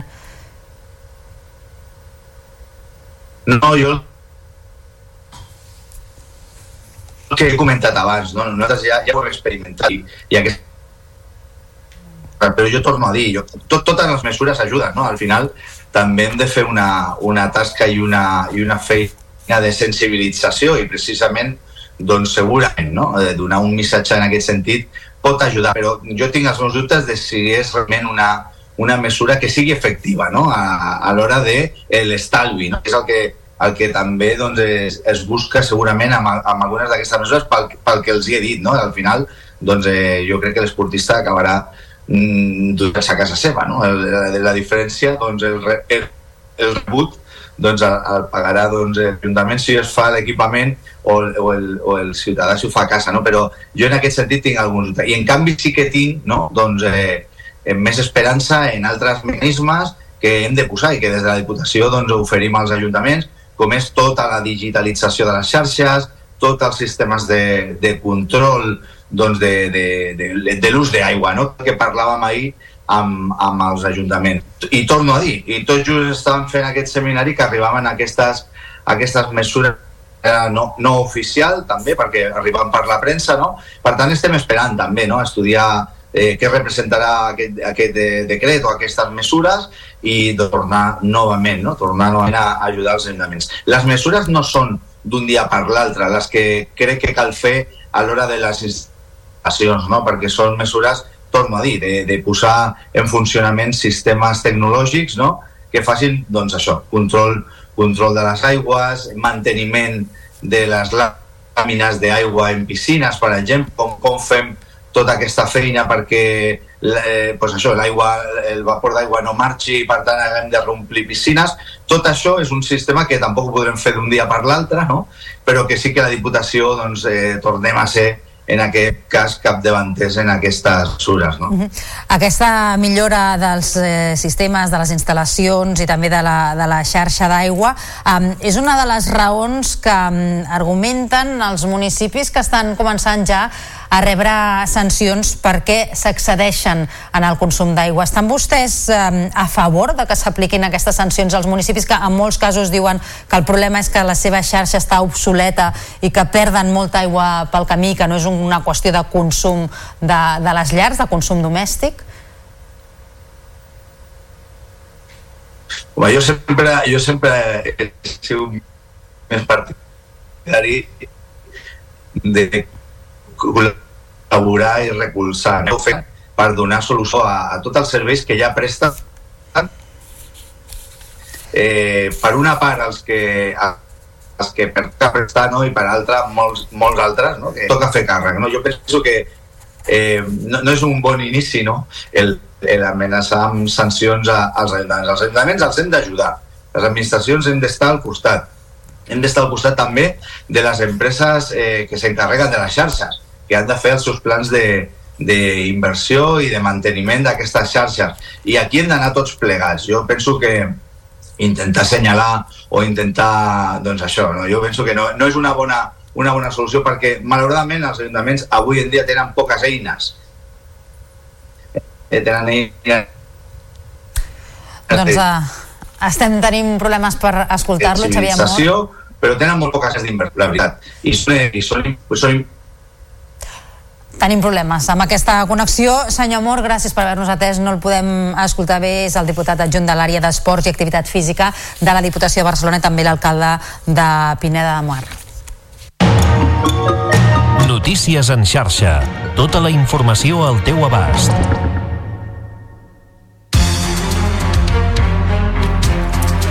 El president de la Generalitat, Pere Aragonès, declararà aquest matí al jutjat d'instrucció que porta la seva querella per l'espionatge amb el programari Pegasus. Es presentarà, per tant, a la ciutat de la justícia per compareixer com a perjudicat davant del jutge que investiga si va ser espiat a través del telèfon mòbil com altres dirigents independentistes. El president ja va assegurar que arribaria fins al final amb l'objectiu que mai més s'utilitzi l'espionatge contra la Generalitat de Catalunya per criminalitzar opcions polítiques democràtiques. Aquest dimarts, la portaveu de l'executiu, Patricia Pla, Plaja ho ha reiterat. Cal arribar fins al final en aquesta causa i per això que el procés d'aquesta querella segueixi obert, estigui obert, és una, una molt bona notícia. És fonamental que s'esclareixi tot, que s'arribi fins al final que totes les autoritats implicades de l'Estat, si són, aportin tota la informació i que s'expliqui el per què, quin va ser el motiu pel que es va autoritzar l'espionatge en Pegasus, el que aleshores era el vicepresident del, del govern i ara president. No hi ha hagut eh, sorpreses si la llei d'amnistia ha superat el primer tràmit al Congrés dels Diputats. La presa en consideració de la proposta ha rebut el suport majoritari de la cambra i ha servit per escenificar de nou durs enfrontaments entre el PSOE i el Partit Popular. N'ha seguit tots els detalls el nostre company Marc Pijuan. La llei d'amnistia ha arribat aquest dimarts per primera vegada al ple del Congrés dels Diputats. En el seu Parlament, el portaveu del Partit Socialista, Patxi López, ha defensat la mesura com a pas per seguir avançant i obrir un nou temps per al retrobament. Nosotros lo que pretendemos es cambiar el guión y salir de un enfrentamiento infinito y sin solución para devolver a la política lo que solo la política ya puede puede resolver. El líder de l'oposició, Alberto Núñez Feijóo, per contra, ha assegurat que la sessió per aprovar la llei d'amnistia és la més trista des de la viscuda el 23 de febrer de 1981. El Popular ha anunciat una comissió d'investigació sobre els pactes del PSOE amb els partits independentistes i ha defensat el seu no a les votacions. Esta ley de amnistía es un fraude. Supone una regresión democrática. Es contraria a la separación de poderes y es una humillación al pueblo español. Els partits catalans del Congrés, de la seva banda, han assegurat que l'amnistia servirà per fer justícia i que en cap cas suposa una renúncia a un referèndum ni a la independència. Escoltem Josep Maria Cervera de Junts i Gabriel Rufián d'Esquerra Republicana. En cap cas significarà que el nostre poble oblida i perdona. En cap cas serà una renúncia a la independència de Catalunya. A Catalunya estem preparats i preparades per guanyar o per perdre un referèndum. I vostès? Una sessió, per cert, sense el president del govern espanyol, Pedro Sánchez, la Moncloa, l'ha excusat per la reunió que mantenia aquest dimarts a la tarda amb el rei Abdalà de Jordània.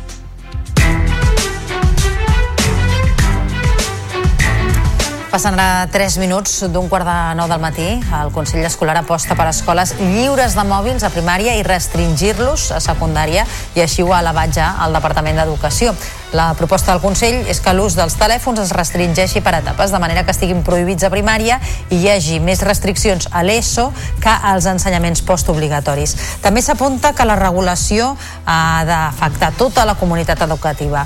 Amb aquest document del Consell com a base, el Departament redactarà unes instruccions que es faran arribar a tots els centres al mes de gener per tal que s'impulsi el debat amb les famílies i s'adapti a la realitat de cada centre. I segona jornada de protesta avui dels professionals eh, sanitaris. La vaga indefinida convocada pel Sindicat Infermeres de Catalunya coincideix amb l'aturada de dos dies, ahir i avui, del personal de l'ICS. Unes aturades que han de fet sortir al carrer més de 5.000 persones i que s'han fet notar especialment en els centres d'atenció primària. Totes dues convocatòries sorgeixen del malestar generat per l'anunci del preacord del conveni col·lectiu de salut de l'Institut Català de la Salut. Consideren que no millora prou les condicions laborals i econòmiques a totes les categories. Segons Salut, el seguiment de la vaga aquest primer dia ha estat d'un 9%. Avui les mobilitzacions es desplaçaran fins al Parlament.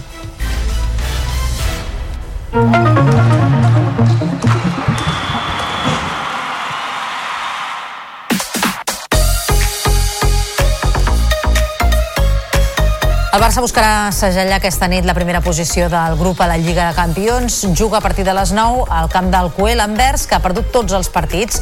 Els de Xavi només perdrien el lideratge en cas de derrota i que el Shakhtar golegés el Porto. Finalment, Xavi s'ha endut tots els disponibles, inclosos Lewandowski, Araujo i Gundogan, per fer pinya per fer pinya. Per contra, no ha viatjat De Jong amb un procés víric. El tècnic ja ha anunciat que aprofitarà per fer rotacions i repartir minuts als joves i als menys habituals. Important acabar bé la fase de, de grups, crec que és una oportunitat per recuperar el resultat, seguir, seguir jugant bé a futbol, crec que el dia del Girona també vam estar bé, eh, no en el resultat però sí en el joc, i recuperar sensacions, potser més oportunitat a, donar oportunitat a gent jove, gent que porta eh, menys, menys minuts últimament, eh, bé, és una oportunitat per acabar molt bé aquesta fase de grups, hem fet molt bé els deures, estem classificats, però volem guanyar. També té cita a la Champions l'equip femení que visita a tres quarts de set el Rosengar suec. Després d'haver sumat dues victòries als dos primers partits, un nou triomf deixaria molt encaminada la classificació per als quarts de final. Ochoala, amb l'alta mèdica, torna a la convocatòria. I per contra, la portera Catacoll, amb un esquins al turmell dret, se suma a la llarga llista d'absències formada per Paredes, Alexia, Rolfo, Mapi i Jana. I el Girona continua en un núvol després de la històrica victòria davant el Barça que els ha situat líders en solitari de la primera divisió. Un dels jugadors blanc i vermells, Aleix Garcia, ha passat revista a la sorprenent temporada que està fent l'equip en una entrevista amb els companys de Canal 21 Ebre. No decoren que Aleix Garcia i els seus companys del Girona estan gaudint encara de la històrica victòria aconseguida davant el Barça a Montjuïc per 2 a 4. El jugador del Montsià de el secret per entendre la bona trajectòria del Girona. L'equip està a un nivell molt alt, on crec que és capaç de competir en qualsevol. Per mi la, la clau de tot és, és el bon ambient, és la, és la humilitat, la, el treball diari a cada entreno que, que veus que ja inclús els entrenos són d'un nivell on la pilota corre però moltíssim. El duel de Coro també es pronuncia sobre si veu el Girona capacitat per lluitar la Lliga fins al final. Intentarem que sí, està clar que, que en algun moment haurà d'arribar eh, algun baixón, ja sigui per lesió, ja sigui per, per algun resultat negatiu que, que mos haurà d'arribar, estic convençut.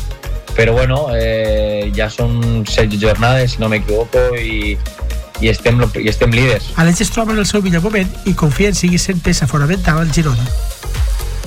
El Barça tanca la primera volta de la Lliga Sobal com a campió d'hivern, havent cedit un sol empat en 15 jornades. Els blaugranes van superar sense problemes el Port Sagunt per 41 a 24 en l'últim partit de l'any al Palau Blaugrana. Els de Carlos Ortega van dominar sempre el marcador, malgrat la resistència dels valencians al primer quart d'hora. La jornada s'ha avançat per la disputa de la Copa d'Espanya aquest cap de setmana que perilla per un conflicte entre la Sobal i la Federació Espanyola. També va jugar el Freiking Granollers, que com el Barça afronta la Copa el proper cap de setmana. Els ballesans van empatar a 29 amb el Benidorm. El punt serveix per a que assegurin la tercera plaça, però manté l'equip sense cap victòria en els darrers tres partits.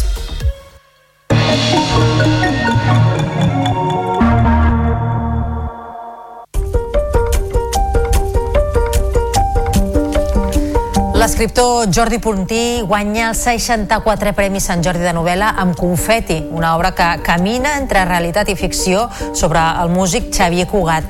En el marc de la 73a nit de Santa Llúcia, Festa Òmnium de les Lletres Catalanes, també s'han entregat altres premis, com ara el Mercè Rodoreda de Contes i Narracions per a Carme Serna, per Perdona'm per desitjar-ho tant, i el Carles Riba de Poesia per a Mireia Calafell per Si una emergència. En recollir el premi, l'escriptor Jordi Puntí ha reivindicat el poder de la ficció en les vides humanes. He conviscut tants anys amb aquest narrador i amb en Cugat que més d'un cop he estat a punt de posar-me perruca i adoptar un chihuahua. Com ells, jo també sóc partidari de la felicitat i sé que si ara fossin aquí amb mi, rebent aquest premi meravellós, segur que també cridarien llarga vida a la literatura.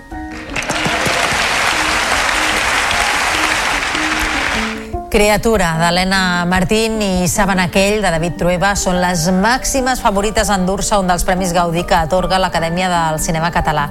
Aconsegueixen 15 i 13 nominacions seguides de 20.000 espècies d'abejas amb 9 i un amor amb 8. En té tots els detalls el nostre company David Navarro. De la setantena de títols candidats als Gaudí, finalment han passat a segona ronda un total de 33 produccions que competiran per alguna de les 25 categories.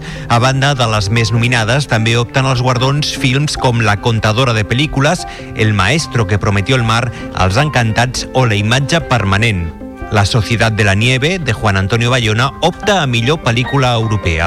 L'actor Paul López i l'actriu Vicky Luengo han estat els encarregats d'anunciar les nominacions. Millor pel·lícula, Creatura, d'Helena Martín, Saben aquell, de David Trueba, Els encantats, d'Helena Trapé, i la imatge permanent de Laura Ferrés Moreno. Una coproducció de la xarxa audiovisual local Quico Sabater sense destí de Sílvia Kerr competirà en la categoria de millor pel·lícula per a televisió amb Miró d'Oriol Ferrer.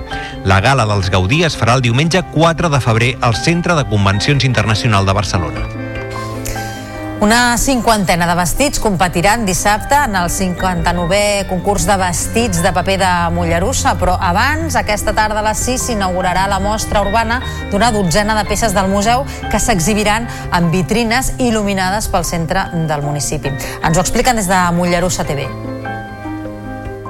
Una cinquantena de vestits competiran en el 59è concurs de vestits de paper que tindrà lloc aquest dissabte a les 10 de la nit al Teatre L'Amistat de Mollerussa. La periodista Maria Xinxó conduirà la gala que comptarà amb l'actuació musical del duet Two Hearts. A més, el certamen es complementarà amb una mostra de 10 vestits al vestíbul del teatre procedents de Portugal com a impuls de la candidatura a la UNESCO.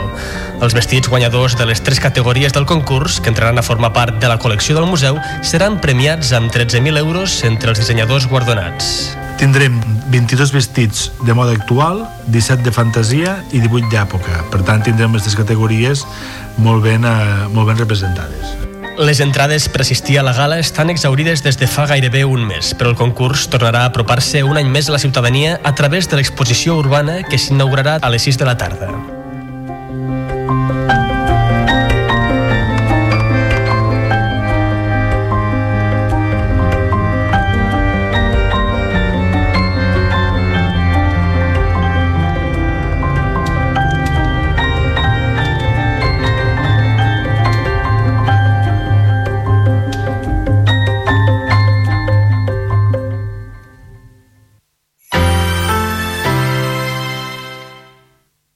La xarxa de comunicació local.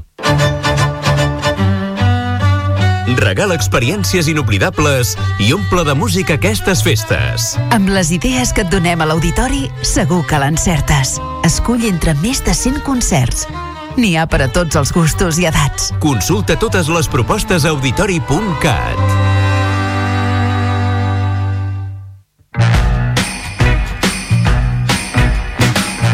Paraules habitables. Especial Nadal.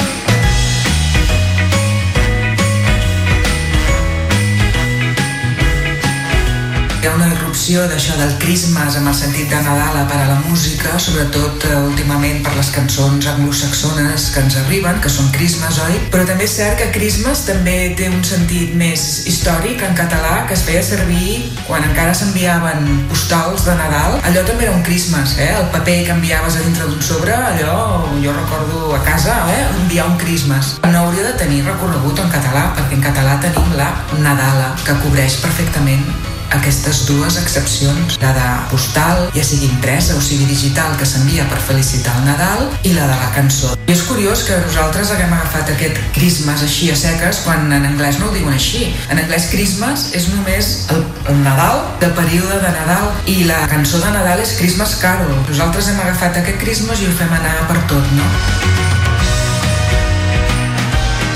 Cristina Bofill i altres lingüistes repassen el català d'aquestes festes a l'especial de Nadal del Paraules Habitables, a la teva ràdio local i a la xarxa Més.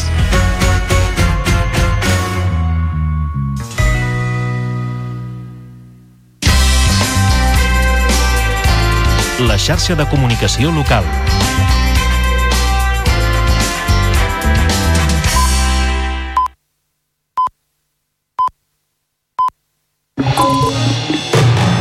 Notícies en xarxa, edició matí.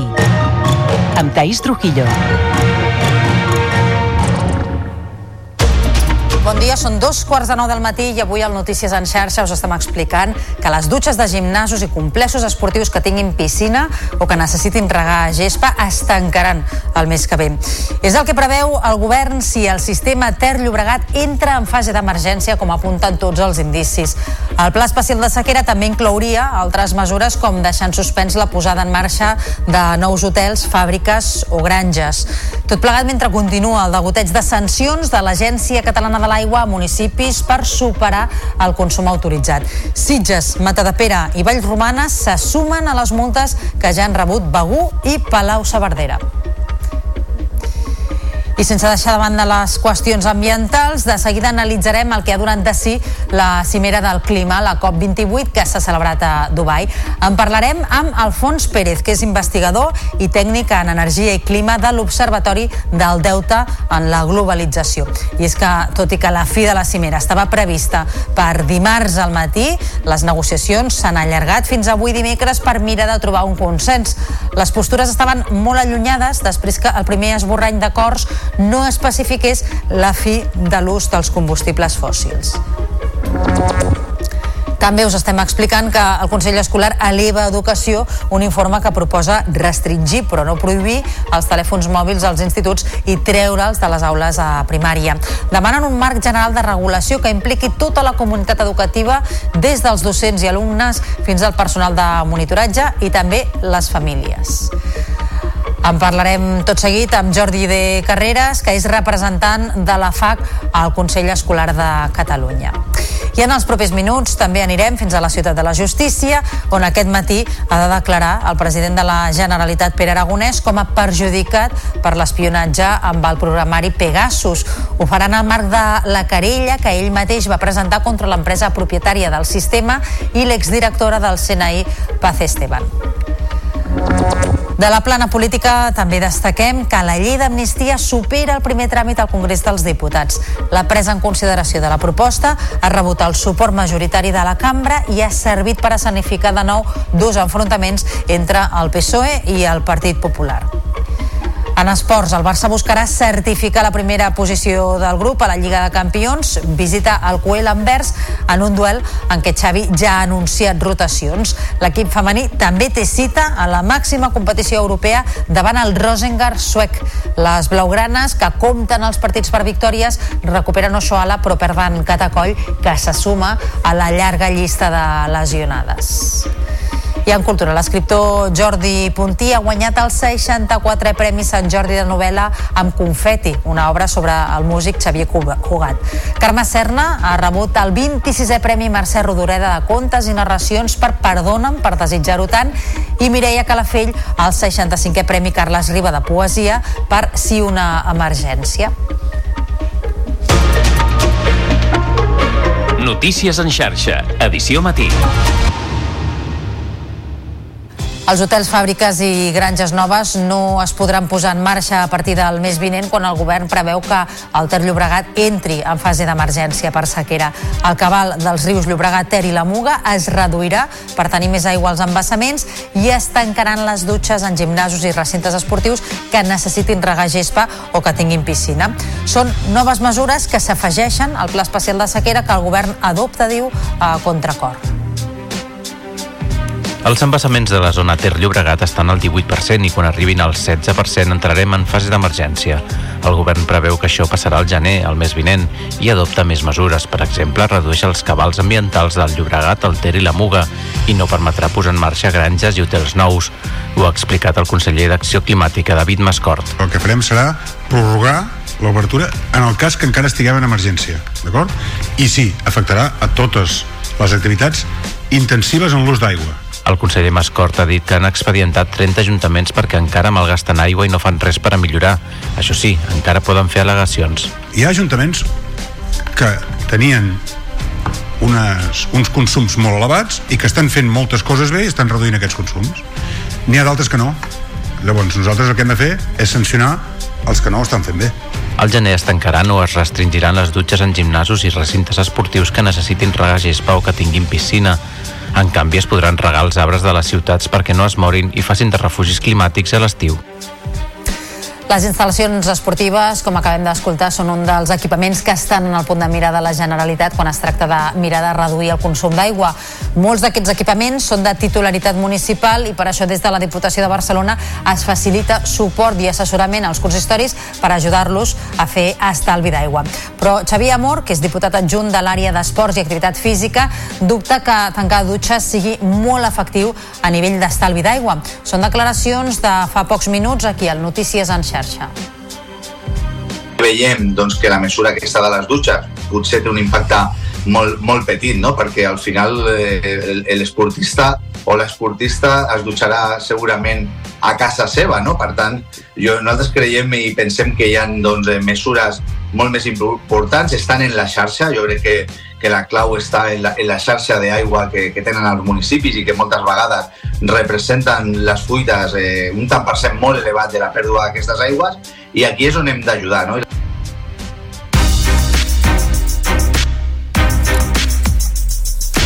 La COP28 ha fet aquesta matinada una nova proposta d'acord una mica més ambiciosa que la d'ahir, que planteja deixar enrere els combustibles fòssils gradualment per arribar a les zero emissions al 2050. És un text que està constantment i pendent d'acordar i que de fet ha provocat que aquesta cimera s'acabi allargant. Per valorar aquesta proposta, o el que sabem fins ara d'aquesta proposta d'acord, establim connexió amb Alfons Pérez, que és investigador i tècnic en energia i clima de l'Observatori del deute en la globalització. Senyor Pérez, molt bon dia. Hola, bon dia. Tal i com apunta que serà finalment aquest acord, si aquesta és la versió definitiva, hi ha espai o motiu per a la satisfacció sobre com ha anat la cimera? Doncs la veritat és que no, estem en un segon esborrany que ha sortit fa poc més d'una hora, en teníem una a les 5 del matí i ara hem tingut una altra a les 8, ja portem 24 hores de retard en el tancament de l'ESCOP, que això que és una cosa bastant normal, eh, i el document segueix sent molt poc ambiciós. Molt poc ambiciós per les expectatives de la COP, però molt poc ambiciós també per a l'objectiu general de l'1,5 graus no? i de deixar enrere els combustibles fòssils. Uh -huh. Expliqui'ns una mica aquest darrer esborrany eh, de les uh, 8 del matí, quines serien les uh, principals mesures que contempla i que, mm, en certa manera, poden representar una millora respecte a l'anterior esborrany. Bueno, la presidència de la COP ha presentat un esborrany que el que volia és desbloquejar no, el tema de si havíem de reduir o abandonar els combustibles fòssils. Aleshores ha presentat una nova paraula, que és el de transicionar per abandonar els combustibles fòssils, que hem de veure realment en què substancia. No? Eh, segueixen, per exemple, el, tema de triplicar les renovables i duplicar l'eficiència per l'any 2030, però també està molt present la nuclear, no es fa menció directa al petroli i al carbó, se'n parla de manera general i, el, eh, i, i el, igual per al petroli. Bueno, el carbó se'n fa, se fa esment, però sempre que, eh, o sigui, eliminar-lo sempre que no porti captura de carboni, que és una de les falses solucions que es proposa dintre del, de la proposta tecnològica a l'ESCOP. És a dir, que és un, una proposta, com dèiem, molt millorable. Eh, ara aquest segon eh, esborrany s'ha d'aprovar per als països i veurem si seguirem amb les negociacions per unes quantes hores més. Uh -huh. Per tant, eh, potser aquest no seria l'acord definitiu i potser encara hi ha marge de millora. Teniu esperança en que realment es pugui arribar a un bon acord o no? La veritat és que ara, amb tot el que ha passat en aquesta COP i aquesta inèrcia que hi ha hagut amb aquesta presència tan forta de les fòssils, doncs eh, no hi ha una esperança mm, de que l'acord sigui eh, allò que necessitem. Val a dir que la, el Copernicus, el programa Copernicus ha dit que aquest any, el 2023, ja estem a 1,4 graus per sobre de la temperatura eh, preindustrial. Això vol dir que ens queda una dècima per aprovar eh, l'examen global com a espècie humana per, per no eh, encetar aquesta etapa de caos climàtic. I aquest examen no l'ha de passar tothom, l'ha de passar principalment als països industrialitzats i entre ells les grans empreses i els que van en jets privats. Uh -huh. uh, aquest dimarts, ahir mateix, feia 8 anys dels de, acords de París. Um, es demostra d'alguna manera que aquests acords que d'alguna manera també s'havien de consolidar en aquesta COP i definir un full de ruta a seguir, sovint acaben quedant en paper mullat? Sí, és que reflecteix el, la dificultat de trobar propostes de consens en un context internacional sempre en tensió. És a dir, ara tenim com molt present les dues guerres, no? però és veritat que en l'espai de la COP, que bàsicament és una imatge d'aquest panorama internacional, estan els enemics afèrrims de, de l'esfera internacional que competeixen. No? I és molt difícil trobar un acord vinculant per consens suficientment ambiciós per eh, assolir la, el repte de lluitar contra la crisi climàtica. Mm. Quan no s'arriben a aquests acords, quines opcions tenen els països que voldrien anar més enllà, però que troben amb l'oposició d'altres països que no volen fer més avenços. Avançar eh, en solitari, unilateralment, per part dels països que sí que tenen més consciència sobre el canvi climàtic, serveix d'alguna cosa o en un món tan globalitzat eh, les conseqüències estan tan compartides que realment no es notaria la diferència? És una bona pregunta. Jo crec que darrere de l'acord de París el que hi havia precisament és això, voler eh, que l'ambició climàtica d'alguns blocs de països que més tenen responsabilitats històriques com la Unió Europea traccionés a la resta. Però eh, no està funcionant així. No? Amb, amb, els països que haurien de ser més ambiciosos doncs no estan presentant uns, unes contribucions nacionals suficientment ambicioses per, al, per l'objectiu global i els que haurien de liderar també es mostren molt reticents de fer-ho, però torno a dir, perquè hi ha aquesta, aquest marc d'economia global competitiva. Si hi hagués una economia global cooperativa, segurament seria molt més fàcil fer aquest tipus d'acords. Alfons Pérez, investigador i tècnic en energia i clima de l'Observatori del Deute en la Globalització. Gràcies per haver-nos atès aquest matí al Notícies en xarxa. Molt bon dia. Molt bé, gràcies a vosaltres. Notícies en xarxa. Tota la informació al teu abast.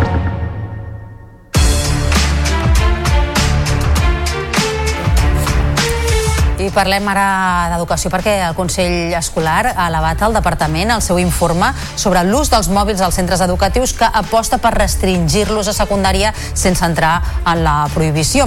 Sí que aposta per escoles lliures de telèfons a primària.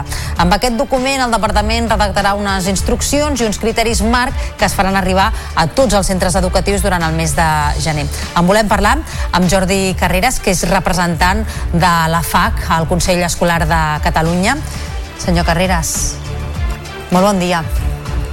Molt bon dia. Com va anar aquest Consell? Hi va haver un consens prou ampli entre els diferents agents de la comunitat educativa sobre què s'ha de fer amb aquesta problemàtica de mòbils i nens i ús de mòbils per part dels nens? Bé, ahir el, ahir el plenari es va presentar aquest informe que el, que el vam disposar més o menys fa una setmana als membres del, del Consell Escolar i, i si bé hi havia allà, es pot veure en el document tot un, un, una explicació sobre els processos participatius que es van engegar, eh, el que és la part més de conclusions i, i propostes, eh, que, que era un primer esborrany, doncs es van començar potser a debatre, però no es va acabar de debatre per manca de temps. Per això, de fet, no es va arribar tampoc a fer cap votació específica, perquè fer-s'ho per su pròpia plenari doncs, era un procés que requeria més temps. Per la nostra banda, no, no veiem que hi hagués una coincidència, mm, un bon reflex, diguem, de, de lo que, és, lo que deia les conclusions i propostes amb el que eh, semblava que s'havia produït en els processos participatius. No, ara parlarem d'aquesta manca de concordança, però que no es va votar vol dir que aquest informe no és definitiu? Eh, bé, aquest informe s'ha elaborat principalment des de la Secretaria del Consell Escolar i finalment si no es va votar és perquè bueno, es va decidir que per, per l'encàrrec que s'havia rebut de la conselleria eh, feia falta que arribés com a tal a la conselleria però pròpiament no l'hem pogut eh, esmenar diguéssim des de, des de la comunitat educativa. Per tant, definitiu tot dependrà de, de si realment el, el departament vol, vol, vol escoltar la comunitat educativa a, a, des de, diu, amb, amb tots els seus matisos i no, uh -huh. i no només eh, per haver fet un procés que ha durat un, un mes màxim. Deia vostè que el que recollia aquest document eh, no li semblava que acabava de concordar amb el que s'havia anat debatent en aquestes 25 trobades que s'ha fet fins ara arreu de Catalunya per parlar d'aquesta qüestió a Consells eh, Escolars. Expliqui'ns què és el que, el que no els quadra i què és el que voldrien vostès i que no està recollit a l'informe. Sí, per nosaltres eh, la comunitat educativa amb bastanta claredat es pot veure en l'informe doncs demanava que el Departament d'Educació fes una regulació eh, per tots els centres per igual, única, que no, que no pogués produir discrepàncies entre els centres en allò substancial eh, i que en tot cas fos eh, l'aplicació mm, amb, amb una, que s'havia de definir encara la flexibilitat que havien de tenir els centres, però que bàsicament eh, s'entén que hauria de ser, com sempre, segons el seu context específic. però, però que el substancial estigués regulat pel departament i no ho haguessin de fer els centres. Això creiem que, que bàsicament es recollia mm, en, en, els, en els processos participatius que ho demanaven docents i ho demanaven fins i tot bueno, famílies i fins i tot alumnat. Eh, no veiem que en aquestes conclusions i, i la nota de premsa que va sortir ahir del departament es torna a parlar d'un marc regulador però es deixa obert la porta aparentment a que siguin els centres qui creïn aquesta regulació cadascú ad hoc. Doncs eh, anirem veient eh, com va aquest eh, tema, aquesta qüestió, com evoluciona, perquè la idea és que s'implementi una normativa comuna a partir del curs que veu, això és el que havia dit el, el departament i estem pendents de veure si realment és així o si cada centre escolar pot escollir la seva pròpia normativa. Jordi de Carreras, representant de la FAC, de les associacions de federacions de famílies d'alumnes de Catalunya, al Consell Escolar, moltíssimes gràcies per haver-nos atès aquest matí al Notícies en xarxa. Molt bon dia. Bon dia. Notícies en xarxa. Informació al detall. No hi ha hagut sorpreses si la llei d'amnistia ha superat el primer tràmit al Congrés dels Diputats. La presa en consideració de la proposta ha rebut el suport majoritari de la cambra i ha servit per escenificar de nou dos enfrontaments entre el PSOE i el Partit Popular. N'ha seguit tots els detalls el nostre company Marc Pijuan. La llei d'amnistia ha arribat aquest dimarts per primera vegada al ple del Congrés dels Diputats. En el seu Parlament, el portaveu del Partit Socialista, Patxi López, ha defensat la mesura com a pas per seguir avançant i obrir un nou temps per al retrobament. Nosotros lo que pretendemos es cambiar el guión y salir de un enfrentamiento infinito y sin solución para devolver a la política lo que solo la política ya puede puede resolver. El líder de l'oposició, Alberto Núñez Feijóo, per contra, ha assegurat que la sessió per aprovar la llei d'amnistia és la més trista des de la viscuda el 23 de febrer de 1981. El Popular ha anunciat una comissió d'investigació sobre els pactes del PSOE amb els partits independentistes i ha defensat el seu no a les votacions. Esta ley de amnistía es un fraude. Supone una regresión democrática es contraria a la separación de poderes i és una humillació al pueblo espanyol. Els partits catalans del Congrés, de la seva banda, han assegurat que l'amnistia servirà per fer justícia i que en cap cas suposa una renúncia a un referèndum ni a la independència. Escoltem Josep Maria Cervera de Junts i Gabriel Rufián d'Esquerra Republicana. En cap cas significarà que el nostre poble oblida i perdona. En cap cas serà una renúncia a la independència de Catalunya. A Catalunya estem preparats i preparades per guanyar o per perdre un referèndum. I vostès? Una sessió, per cert, sense el president del govern espanyol, Pedro Sánchez, la Moncloa, l'ha excusat per la reunió que mantenia aquest dimarts a la tarda amb el rei Abdalà de Jordània. El president de la Generalitat, Pere Aragonès, declara aquest matí al jutjat d'instrucció que porta la seva querella per l'espionatge amb el programari Pegasus. Connectem, doncs, amb la ciutat de la justícia, amb els nostres companys Frederic Cano i Mont Carvajal, que estan allà i on sembla que el president està ja a punt d'arribar. Mont, molt bon dia, és així. Bon dia, sí, és així. El president aragonès està a punt d'arribar aquí a la ciutat de la justícia. A les 9, de fet, protocol ja està preparant, ens ha habilitat els càmeres perquè estiguin una mica endreçats per poder gravar la seva entrada. Aragonès ha de declarar a dos quarts de deu aquí a la ciutat de justícia com a perjudicat per al cas d'espionatge Pegasus. Ho farà acompanyat del seu advocat Andreu Van der perquè el juliol del 2022, de l'any passat, Aragonès va presentar una querella contra la directora del CNI, Paz Esteban, i contra l'empresa NSO Group, l'empresa israeliana responsable d'aquest mecanisme, d'aquest sistema d'espionatge a través dels telèfons mòbils. De fet, Paz Esteban, la exdirectora del CNI, també havia de declarar avui, però finalment la seva declaració s'ha ajornat i ho farà al mes de gener. El jutge que porta el cas ha demanat la desclassificació dels documents per saber exactament eh, qui va donar ordres d'espionatge. Recordem que Paz Esteban sí que va reconèixer haver espiat, que el CNI havia espiat 18 persones, entre ells Pere Aragonès, però fins ara el Consell de Ministres ha dit que no, si bé aquest dilluns el, el Grande Marlaska, el ministre, volem dir, d'Interior, Grande Marlaska, va deixar la porta oberta potser a desclassificar-ne alguns. De tota manera, qui no dona cap paper al jutge és el Tribunal Suprem perquè diu que és eh, informació reservada. Pere Aragonès, recordem-ho, va ser espiat quan era vicepresident del govern del president Quim Torra i eh, conseller d'Economia. I ell també, des del Palau, demanen la màxima col·laboració al govern espanyol perquè desclassifiqui aquests documents, perquè Pere Aragonès sempre ha dit que vol arribar fins al final, saber eh, qui el va espiar, per què el va espiar i quin ús se'n va fer de la informació que van estar eh, agafant. Eh, avui el Parlament havia d'haver la la sessió de control de l'executiu, ara a les 10 del matí, però la declaració del president ha fet canviar eh, els horaris del Parlament i aquesta sessió de control serà a les 3 de la tarda aquí a la ciutat de Justícia esperant doncs que arribi el president aragonès que declara com a perjudicat en el cas Pegasus, com a espiat.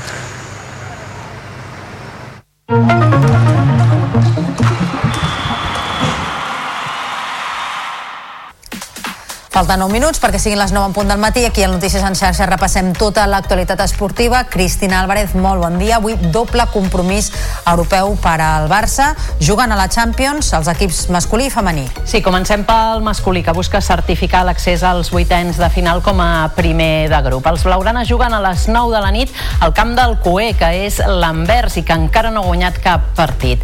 Els de Xavi només perdrien el lideratge en cas de derrota i que el Shakhtar golegés al Porto. Finalment, Xavi s'ha endut tots els disponibles, inclosos Lewandowski, Araujo i Gundogan, per fer pinya. Per contra, no ha viatjat De Jong amb un procés víric. El tècnic ja ha anunciat que aprofitarà per fer rotacions i repartir minuts als joves i als menys habituals. Important acabar bé la fase de, de grups, crec que és una oportunitat per recuperar el resultat, seguir, seguir jugant bé a futbol, crec que el dia del Girona també vam estar bé, eh, no en el resultat però sí en el joc, i recuperar sensacions, potser més oportunitat a, donar oportunitat a gent jove, gent que porta eh, menys, menys minuts últimament, eh, bé, és una oportunitat per acabar molt bé aquesta fase de grups, hem fet molt bé els deures, estem classificats, però volem guanyar. També té cita a la Champions l'equip femení que visita tres quarts de set el Rosengard suec. Després d'haver sumat dues victòries als dos primers partits, un nou triomf deixaria molt encaminada la classificació per als quarts de final. Ochoala, amb l'alta mèdica, torna a la convocatòria. Per contra, la portera Catacoll, amb un esquins al turmell dret, se suma a la llarga llista d'absències formada per Paredes, Alexia, Rolfo, Mapi i Jana. Els tres equips catalans que disputen la Copa del Rei ja coneixen els rivals dels setzents de final. El Barça debutarà la competició a Camp del Barbastre de la segona federació el dia 7 de gener. El conjunt aragonès ve d'eliminar l'Almeria de primera, per altra banda el Girona visitarà l'Elx de segona, mentre que l'Espanyol jugarà a casa davant el Getafe. Tots dos partits es jugaran el dia de Reis. El Barça tanca la primera volta de la Lliga Sobal com a campió d'hivern, havent cedit un sol empat en 15 jornades. Els blaugranes van superar sense problemes el Port Segun per 41 a 24 en l'últim partit de l'any al Palau Blaugrana. Els de Carlos Ortega van dominar sempre el marcador, malgrat la resistència dels valencians al primer quart d'hora. Blas Jang, que reapareixia després d'una lumbàlgia, va fer 5 gols. També va jugar el Freikin Granollers. Els ballesans van empatar 29 amb el Benidorm. El punt serveix perquè assegurin la tercera plaça, però manté l'equip sense cap victòria en els darrers tres partits. La jornada s'ha avançat per la disputa de la Copa d'Espanya aquest cap de setmana, que perilla per un conflicte entre la Sobal i la Federació Espanyola. Doncs victòries dels dos equips catalans a l'espera d'aquesta Copa d'Espanya si finalment es disputa i que la juguen tots dos, tant el Barça com el Granollers. Doncs estarem pendent. Gràcies, Cristina. Que vagi bé. Nosaltres ara, en l'àmbit de la cultura, us expliquem que l'escriptor Jordi Puntí ha guanyat el 64è Premi Sant Jordi de novel·la amb Confeti. Es tracta d'una obra que està a mig camí entre la realitat i la ficció sobre el músic Xavier Cugat.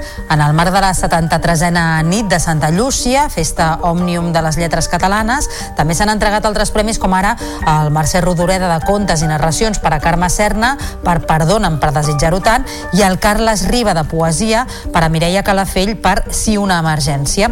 En recollir el premi, l'escriptor Jordi Puntí ha reivindicat el poder de la ficció en les vides humanes. He conviscut tants anys amb aquest narrador i amb en Cugat que més d'un cop he estat a punt de posar-me perruca i adoptar un chihuahua. Com ells, jo també sóc partidari de la felicitat i sé que si ara fossin aquí amb mi, rebent aquest premi meravellós, segur que també cridarien llarga vida a la literatura.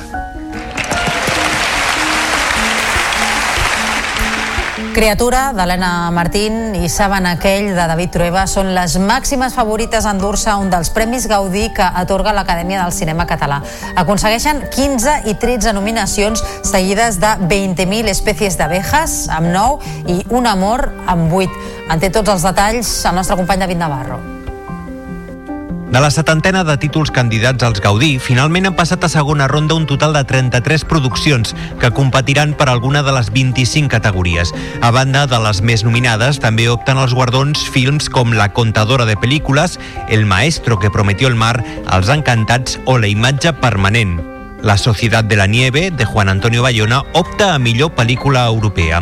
L'actor Paul López i l'actriu Vicky Luengo han estat els encarregats d'anunciar les nominacions. Millor pel·lícula, Creatura, d'Helena Martín, Saben aquell, de David Trueba, Els encantats, d'Helena Trapé, i La imatge permanent, de Laura Ferrés Moreno. Una coproducció de la xarxa audiovisual local, Quico Sabater, sense destí, de Sílvia Kerr, competirà en la categoria de millor pel·lícula per a televisió amb Miró d'Oriol Ferrer. La gala dels Gaudí es farà el diumenge 4 de febrer al Centre de Convencions Internacional de Barcelona. Doncs amb cinema hem arribat avui al final de Notícies en xarxa. Tornem demà a primera hora del matí amb més informació de territori. Que passin un molt bon dimecres. Adéu.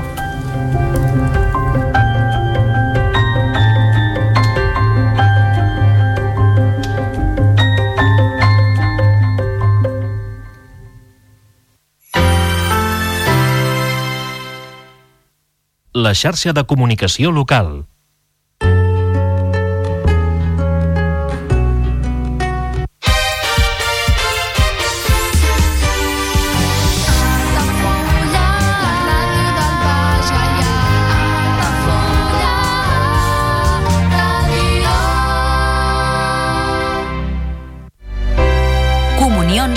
2024. Dates ja disponibles amb sales privades, jardí, pàrquing privat i la millor gastronomia. Més informació i reserves al 977 65 11 55 i a comercial arroba altafullamarotel.com o al web altafullamarotel.com. Les teves celebracions familiars a l'Altafulla Mar Hotel.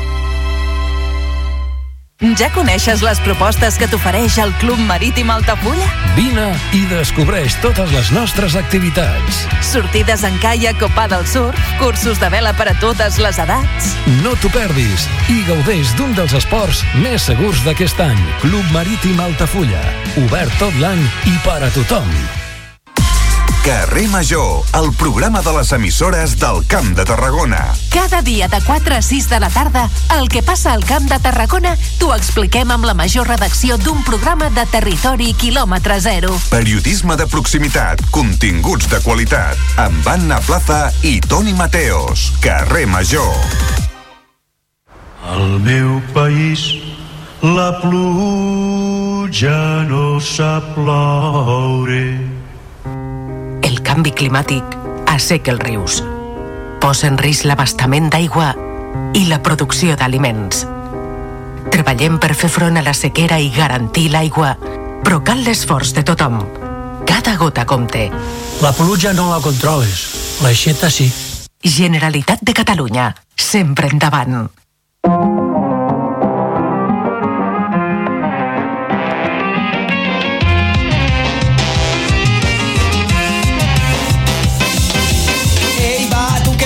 Quina pel·li t'has muntat? Una nova rallaeta, ja comença el mal de cap. Tinc un ascensor que em puja les pedres al meu terrat. Jo m'invente tantes merdes que no em deixen respirar. Hoy me sale todo mal, nunca la podré olvidar. Que sí, que sí, ja estan així, s'han apoderat de mi. Les mogudes que m'invente sempre i no em deixen creure en mi.